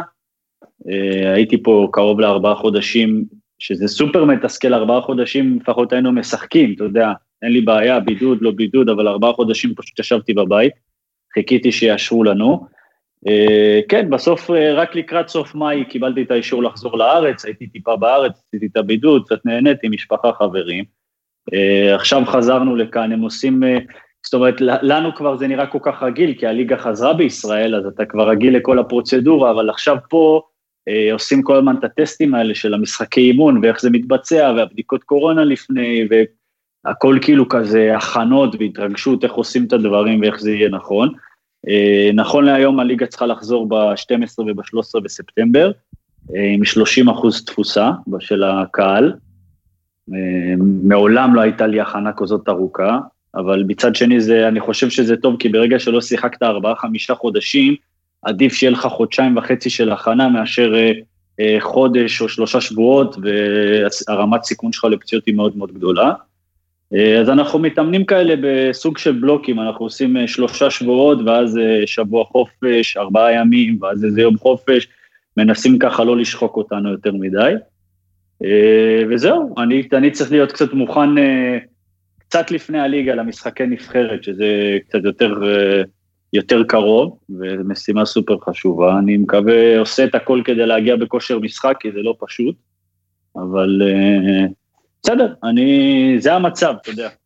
אז uh, אולי נסיים. אבל המטרות נשארו מטרות. התחלת כשאורי שאל... בוא נסיים עם הנבחרת, אורן. כן, כן, בדיוק. התחלת כשאורי שאל אותך על uh, אנדי, אז עכשיו אין את אנדי, אבל יש את uh, ווילי כמאמן ביחד עם חזן. איך, אתה יודע, כשחקן שקיבל די הרבה, נגעת בזה בהתחלה, מהצוות האוסטרי, מאנדי בכלל, בואו רק באמת תתייחס לעזיבה של אנדי ולעובדה שמי שמחליף אותו זה דווקא רוטנשטיינר, ולא שמות שפורסמו והייתה אמורה להיות ועדת איתור שבסוף אה, איתרה את, את מי שמאתר, אני יודע. קודם כל, כן. מצאתי את עצמי, אני כאן. כואבת, כן? העזיבה של אנדי בשבילי כואבת בפן האישי והמקצועי, ב, כאילו אין יותר מדי מה להוסיף, זה ברור בעקבות מה שאמרתי קודם, אה, אבל אני חושב שבמצב הדברים שנוצר, זו דווקא החלטה טובה, ווילי מכיר את המערכת, אלון חי אותנו במגרש, אה, אה, זה יאפשר לשמור על המרקם שהיה ועל הדרך שהתחלנו אותה, כי בסוף אנדי ווילי עבדו ביחד, ואני מאמין שלפחות, לפחות להתחלה הזאת שאנחנו רוצים למשחקים האלה, בטח ובטח אחרי הרבה מאוד זמן שלא נפגשנו, חשוב שיהיה מישהו שמכיר את המערכת ויודע מה צריך לעשות, ומכיר את החומר שחקנים, וזהו, יותר מזה אין לי מה, כל הפוליטיקות, השיחות, הדברים האלה, זה דברים שבאמת לא מעניינים אותי, אני אפילו לא, לא מתייחס לזה, לא בקטע, לא בקטע שהם צודקים או טועים, פשוט אני לא, לא בן אדם שמעניין אותו כל ה... כל החיכוכים הקטנים וה... והגדולים. אולי זה דבר גדול, אני יודע. יפה מאוד. בסדר גמור, אנחנו מקבלים את זה. אורי, תגיד שלום. אורי, מתגעגעים אליך, ותזרז את הדרכון, תזרז את הדרכון, חביבי. יגיע, יגיע, אל תדאג. אם אפשר לבוא להשתלמות, אנחנו מאוד נשמח. אני לא אציע לך פה הצעה בשידור לא חי, אבל... לא, לא, אחרי זה, אחרי זה נסגור את הפרטים. תשמע... הדרכון האיטלקי, אורן, אני אקבל את הדרכון האיטלקי ואז נסדר את העניינים. אני רוצה לעשות את השדרוג, זה בדיוק הזמן שאני צריך את אורי לידי, אז אולי אתה יודע. סגור. עכשיו, אתה, אתה יודע, אלי, אתה גם היית כל כך טוב ושמעו אותך טוב והכל, אז אה, אורי עובד על טופ 10 uh, שחקנים עולמיים בכל העמדות, ועוד לא עשינו את הטופ 10 מגנים, אז אולי אנחנו נגייס אותך לעוד פרק בפודקאסט שבו אתה לא מדבר על עצמך. אני, אני פה בשבילך ובשבילכם מה שצריך. אני, אני חושב שנהניתי יותר מכם, ואני גם uh, חייב להגיד שאורן, uh, אתה יודע מצוין שאני, ויודע כמה קשה היה להביא אותי לדבר, כי אני לא, לא כי אני איזה סנוב, כי אני פשוט לא בן אדם שמדבר, נכון. אבל אני חושב שזה היה הכרחי וטוב עבורי אחרי uh, תקופה מאוד ארוכה שאני לא, לא כל כך מדבר, לא עושה דברים, דווקא כן לפתוח ולתת גישה לאנשים. אם זה בפן, כמו שדיברנו על הגזענות, אם זה נבחרת, אם זה, אם זה אוהדים של מכבי שמגיע להם קצת לדעת יותר לעומק מה היה. אה, וזהו, ואני מקווה שכולם יצליחו, שמכבי תצליח, שהנבחרת תצליח, שאורי יקבל את הדרכון, שאתה תצא מהבקתה שאתה נמצא בה, אה, אורן, תחזור לתל אביב. ויהיה בסדר. סגור, סגור, בסדר גמור. תודה רבה, תודה רבה לאורי, תודה אלי, תודה. תודה רבה. היה כיף, היה כיף. נהניתי מאוד מאוד מאוד, תודה. תאזינו לכל הפרקים שאתם צריכים להאזין להם, השבוע הכל הולך, אה, יהיה לנו המון הפתעות, אז פשוט תבדקו כל יום, כמעט כל יום יצא פרק נראה לי, אני לא יודע, לא רוצה להבטיח, אבל זה הכיוון. אה, אלי, תודה, אורי, תודה. איתי, תודה לך על החיבור, שמע, טפו טפו, אם ישמעו המאזינים כמו שאנחנו שמענו, אז יהיה טוב. יאללה, אה, עד כאן להפעם. יאללה, חברים. תעשו טוב. ביי ביי.